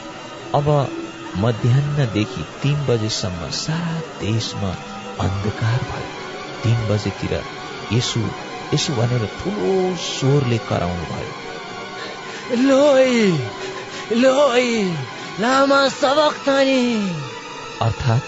हे मेरा परमेश्वर हे मेरा परमेश्वर तपाईँले मलाई किन त्याग्नु भएको छ? त्यहाँ उभिएकाहरू मध्ये कतिजनाले यो सुनेर भने यस मानिसले एलियालाई बोलाउँदैछ।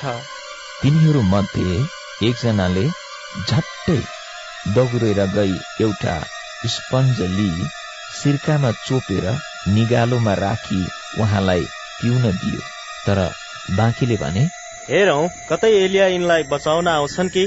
तब यीशु फेरि ठुलो स्वरले कराउनु भयो र आफ्नो हातमा भयो। त्यसै गरी मन्दिरको पर्दा टुप्पादेखि फेदसम्म दुई भाग भएर च्यातियो र जमिन काट्न लाग्यो र चट्टानहरू फुटे चिहानहरू उघारिए र सुति गएका धेरै सन्तहरूका मृत शरीर जीवित भई उठे र तिनीहरू चिहानहरूबाट निस्के र मृतकबाट यीशुको पुनरुत्थान भएपछि तिनीहरू पवित्र सहरमा प्रवेश गरे र धेरै कहाँ देखा परे। जब कप्तान र तिनीसँग यीशुलाई रुङ्नेहरूले भूकम्प र त्यहाँ भइरहेका घटना देखे तब अति भयभीत भएर तिनीहरूले यसो भने साँच्चै यिनी परमेश्वरका पुत्र रहेछ त्यहाँ गालिलबाट आएका धेरै स्त्रीहरू पनि थिए। तिनीहरूले टाढाबाट यी सब हेरिरहेका थिए। तिनीहरू उहाँको सेवा टहल गर्दै गालिलबाट यसुको पछि पछि आएका थिए। तिनीहरू मध्ये मरियम मगदलिनी र याकुब र योसेफकी आमा मरियम र जप्तियाका छोराहरूकी आमा थिए साँझ परेपछि अरिमाथियाका योसेफ नाउँ भएका एकजना धनी मानिस आए। तिनी स्वयं यीशुका चेला थिए। तिनले पिलातस कहाँ गएर यीशुको मृत शरीर मागे र पिलातसले सो तिनलाई दिने हुकुम गरे। योसेफले मृत शरीर लिएर सफा मलमलको कपडाले बेरे र तिनले चट्टानमा खोपेर बनाएका आफ्नै नयाँ चिहानमा त्यो राखे र चिहानको मुखमा एउटा ठूलो ढुङ्गा गुडाइदिए र तिनी गए। चिहानको सामुन्ने मरियम मक्तुलिनी र अर्की मरियम पनि बसिरहेका थिए भोलिपल्ट अर्थात् तयारीको दिनको भोलिपल्ट। मुख्य पुजारीहरू र फरिसीहरू पिलातस कहाँ भेला भए र भने हजुर हामीलाई याद छ। कि त्यस ठगाले जिउँदो छँदा तिन दिनपछि म फेरि उठ्नेछु भनेको थियो। यसकारण तेस्रो दिनसम्म त्यो चिहान सुरक्षित राख्नलाई हुकुम गर्नुहोस्। नत्र त त्यसका चेलाहरूले आएर त्यो चोरेर लैजाने र त्यो त मरेकोबाट जीवित भई उठ्यो भनेर मानिसहरूलाई भन्नेछन्। र त्यो पछिल्लो धोका पहिलोभन्दा अझ नराम्रो हुनेछ। पिलातसले तिनीहरूलाई भने तिमीहरूको आफ्नै पहरा छँदैछ। जाओ तिमीहरूले सकेसम्म सुरक्षित राख। तब तिनीहरूले गएर ढुङ्गामा मोहर लाए र पहरादारहरू खटाएर चिहान सुरक्षित राखे।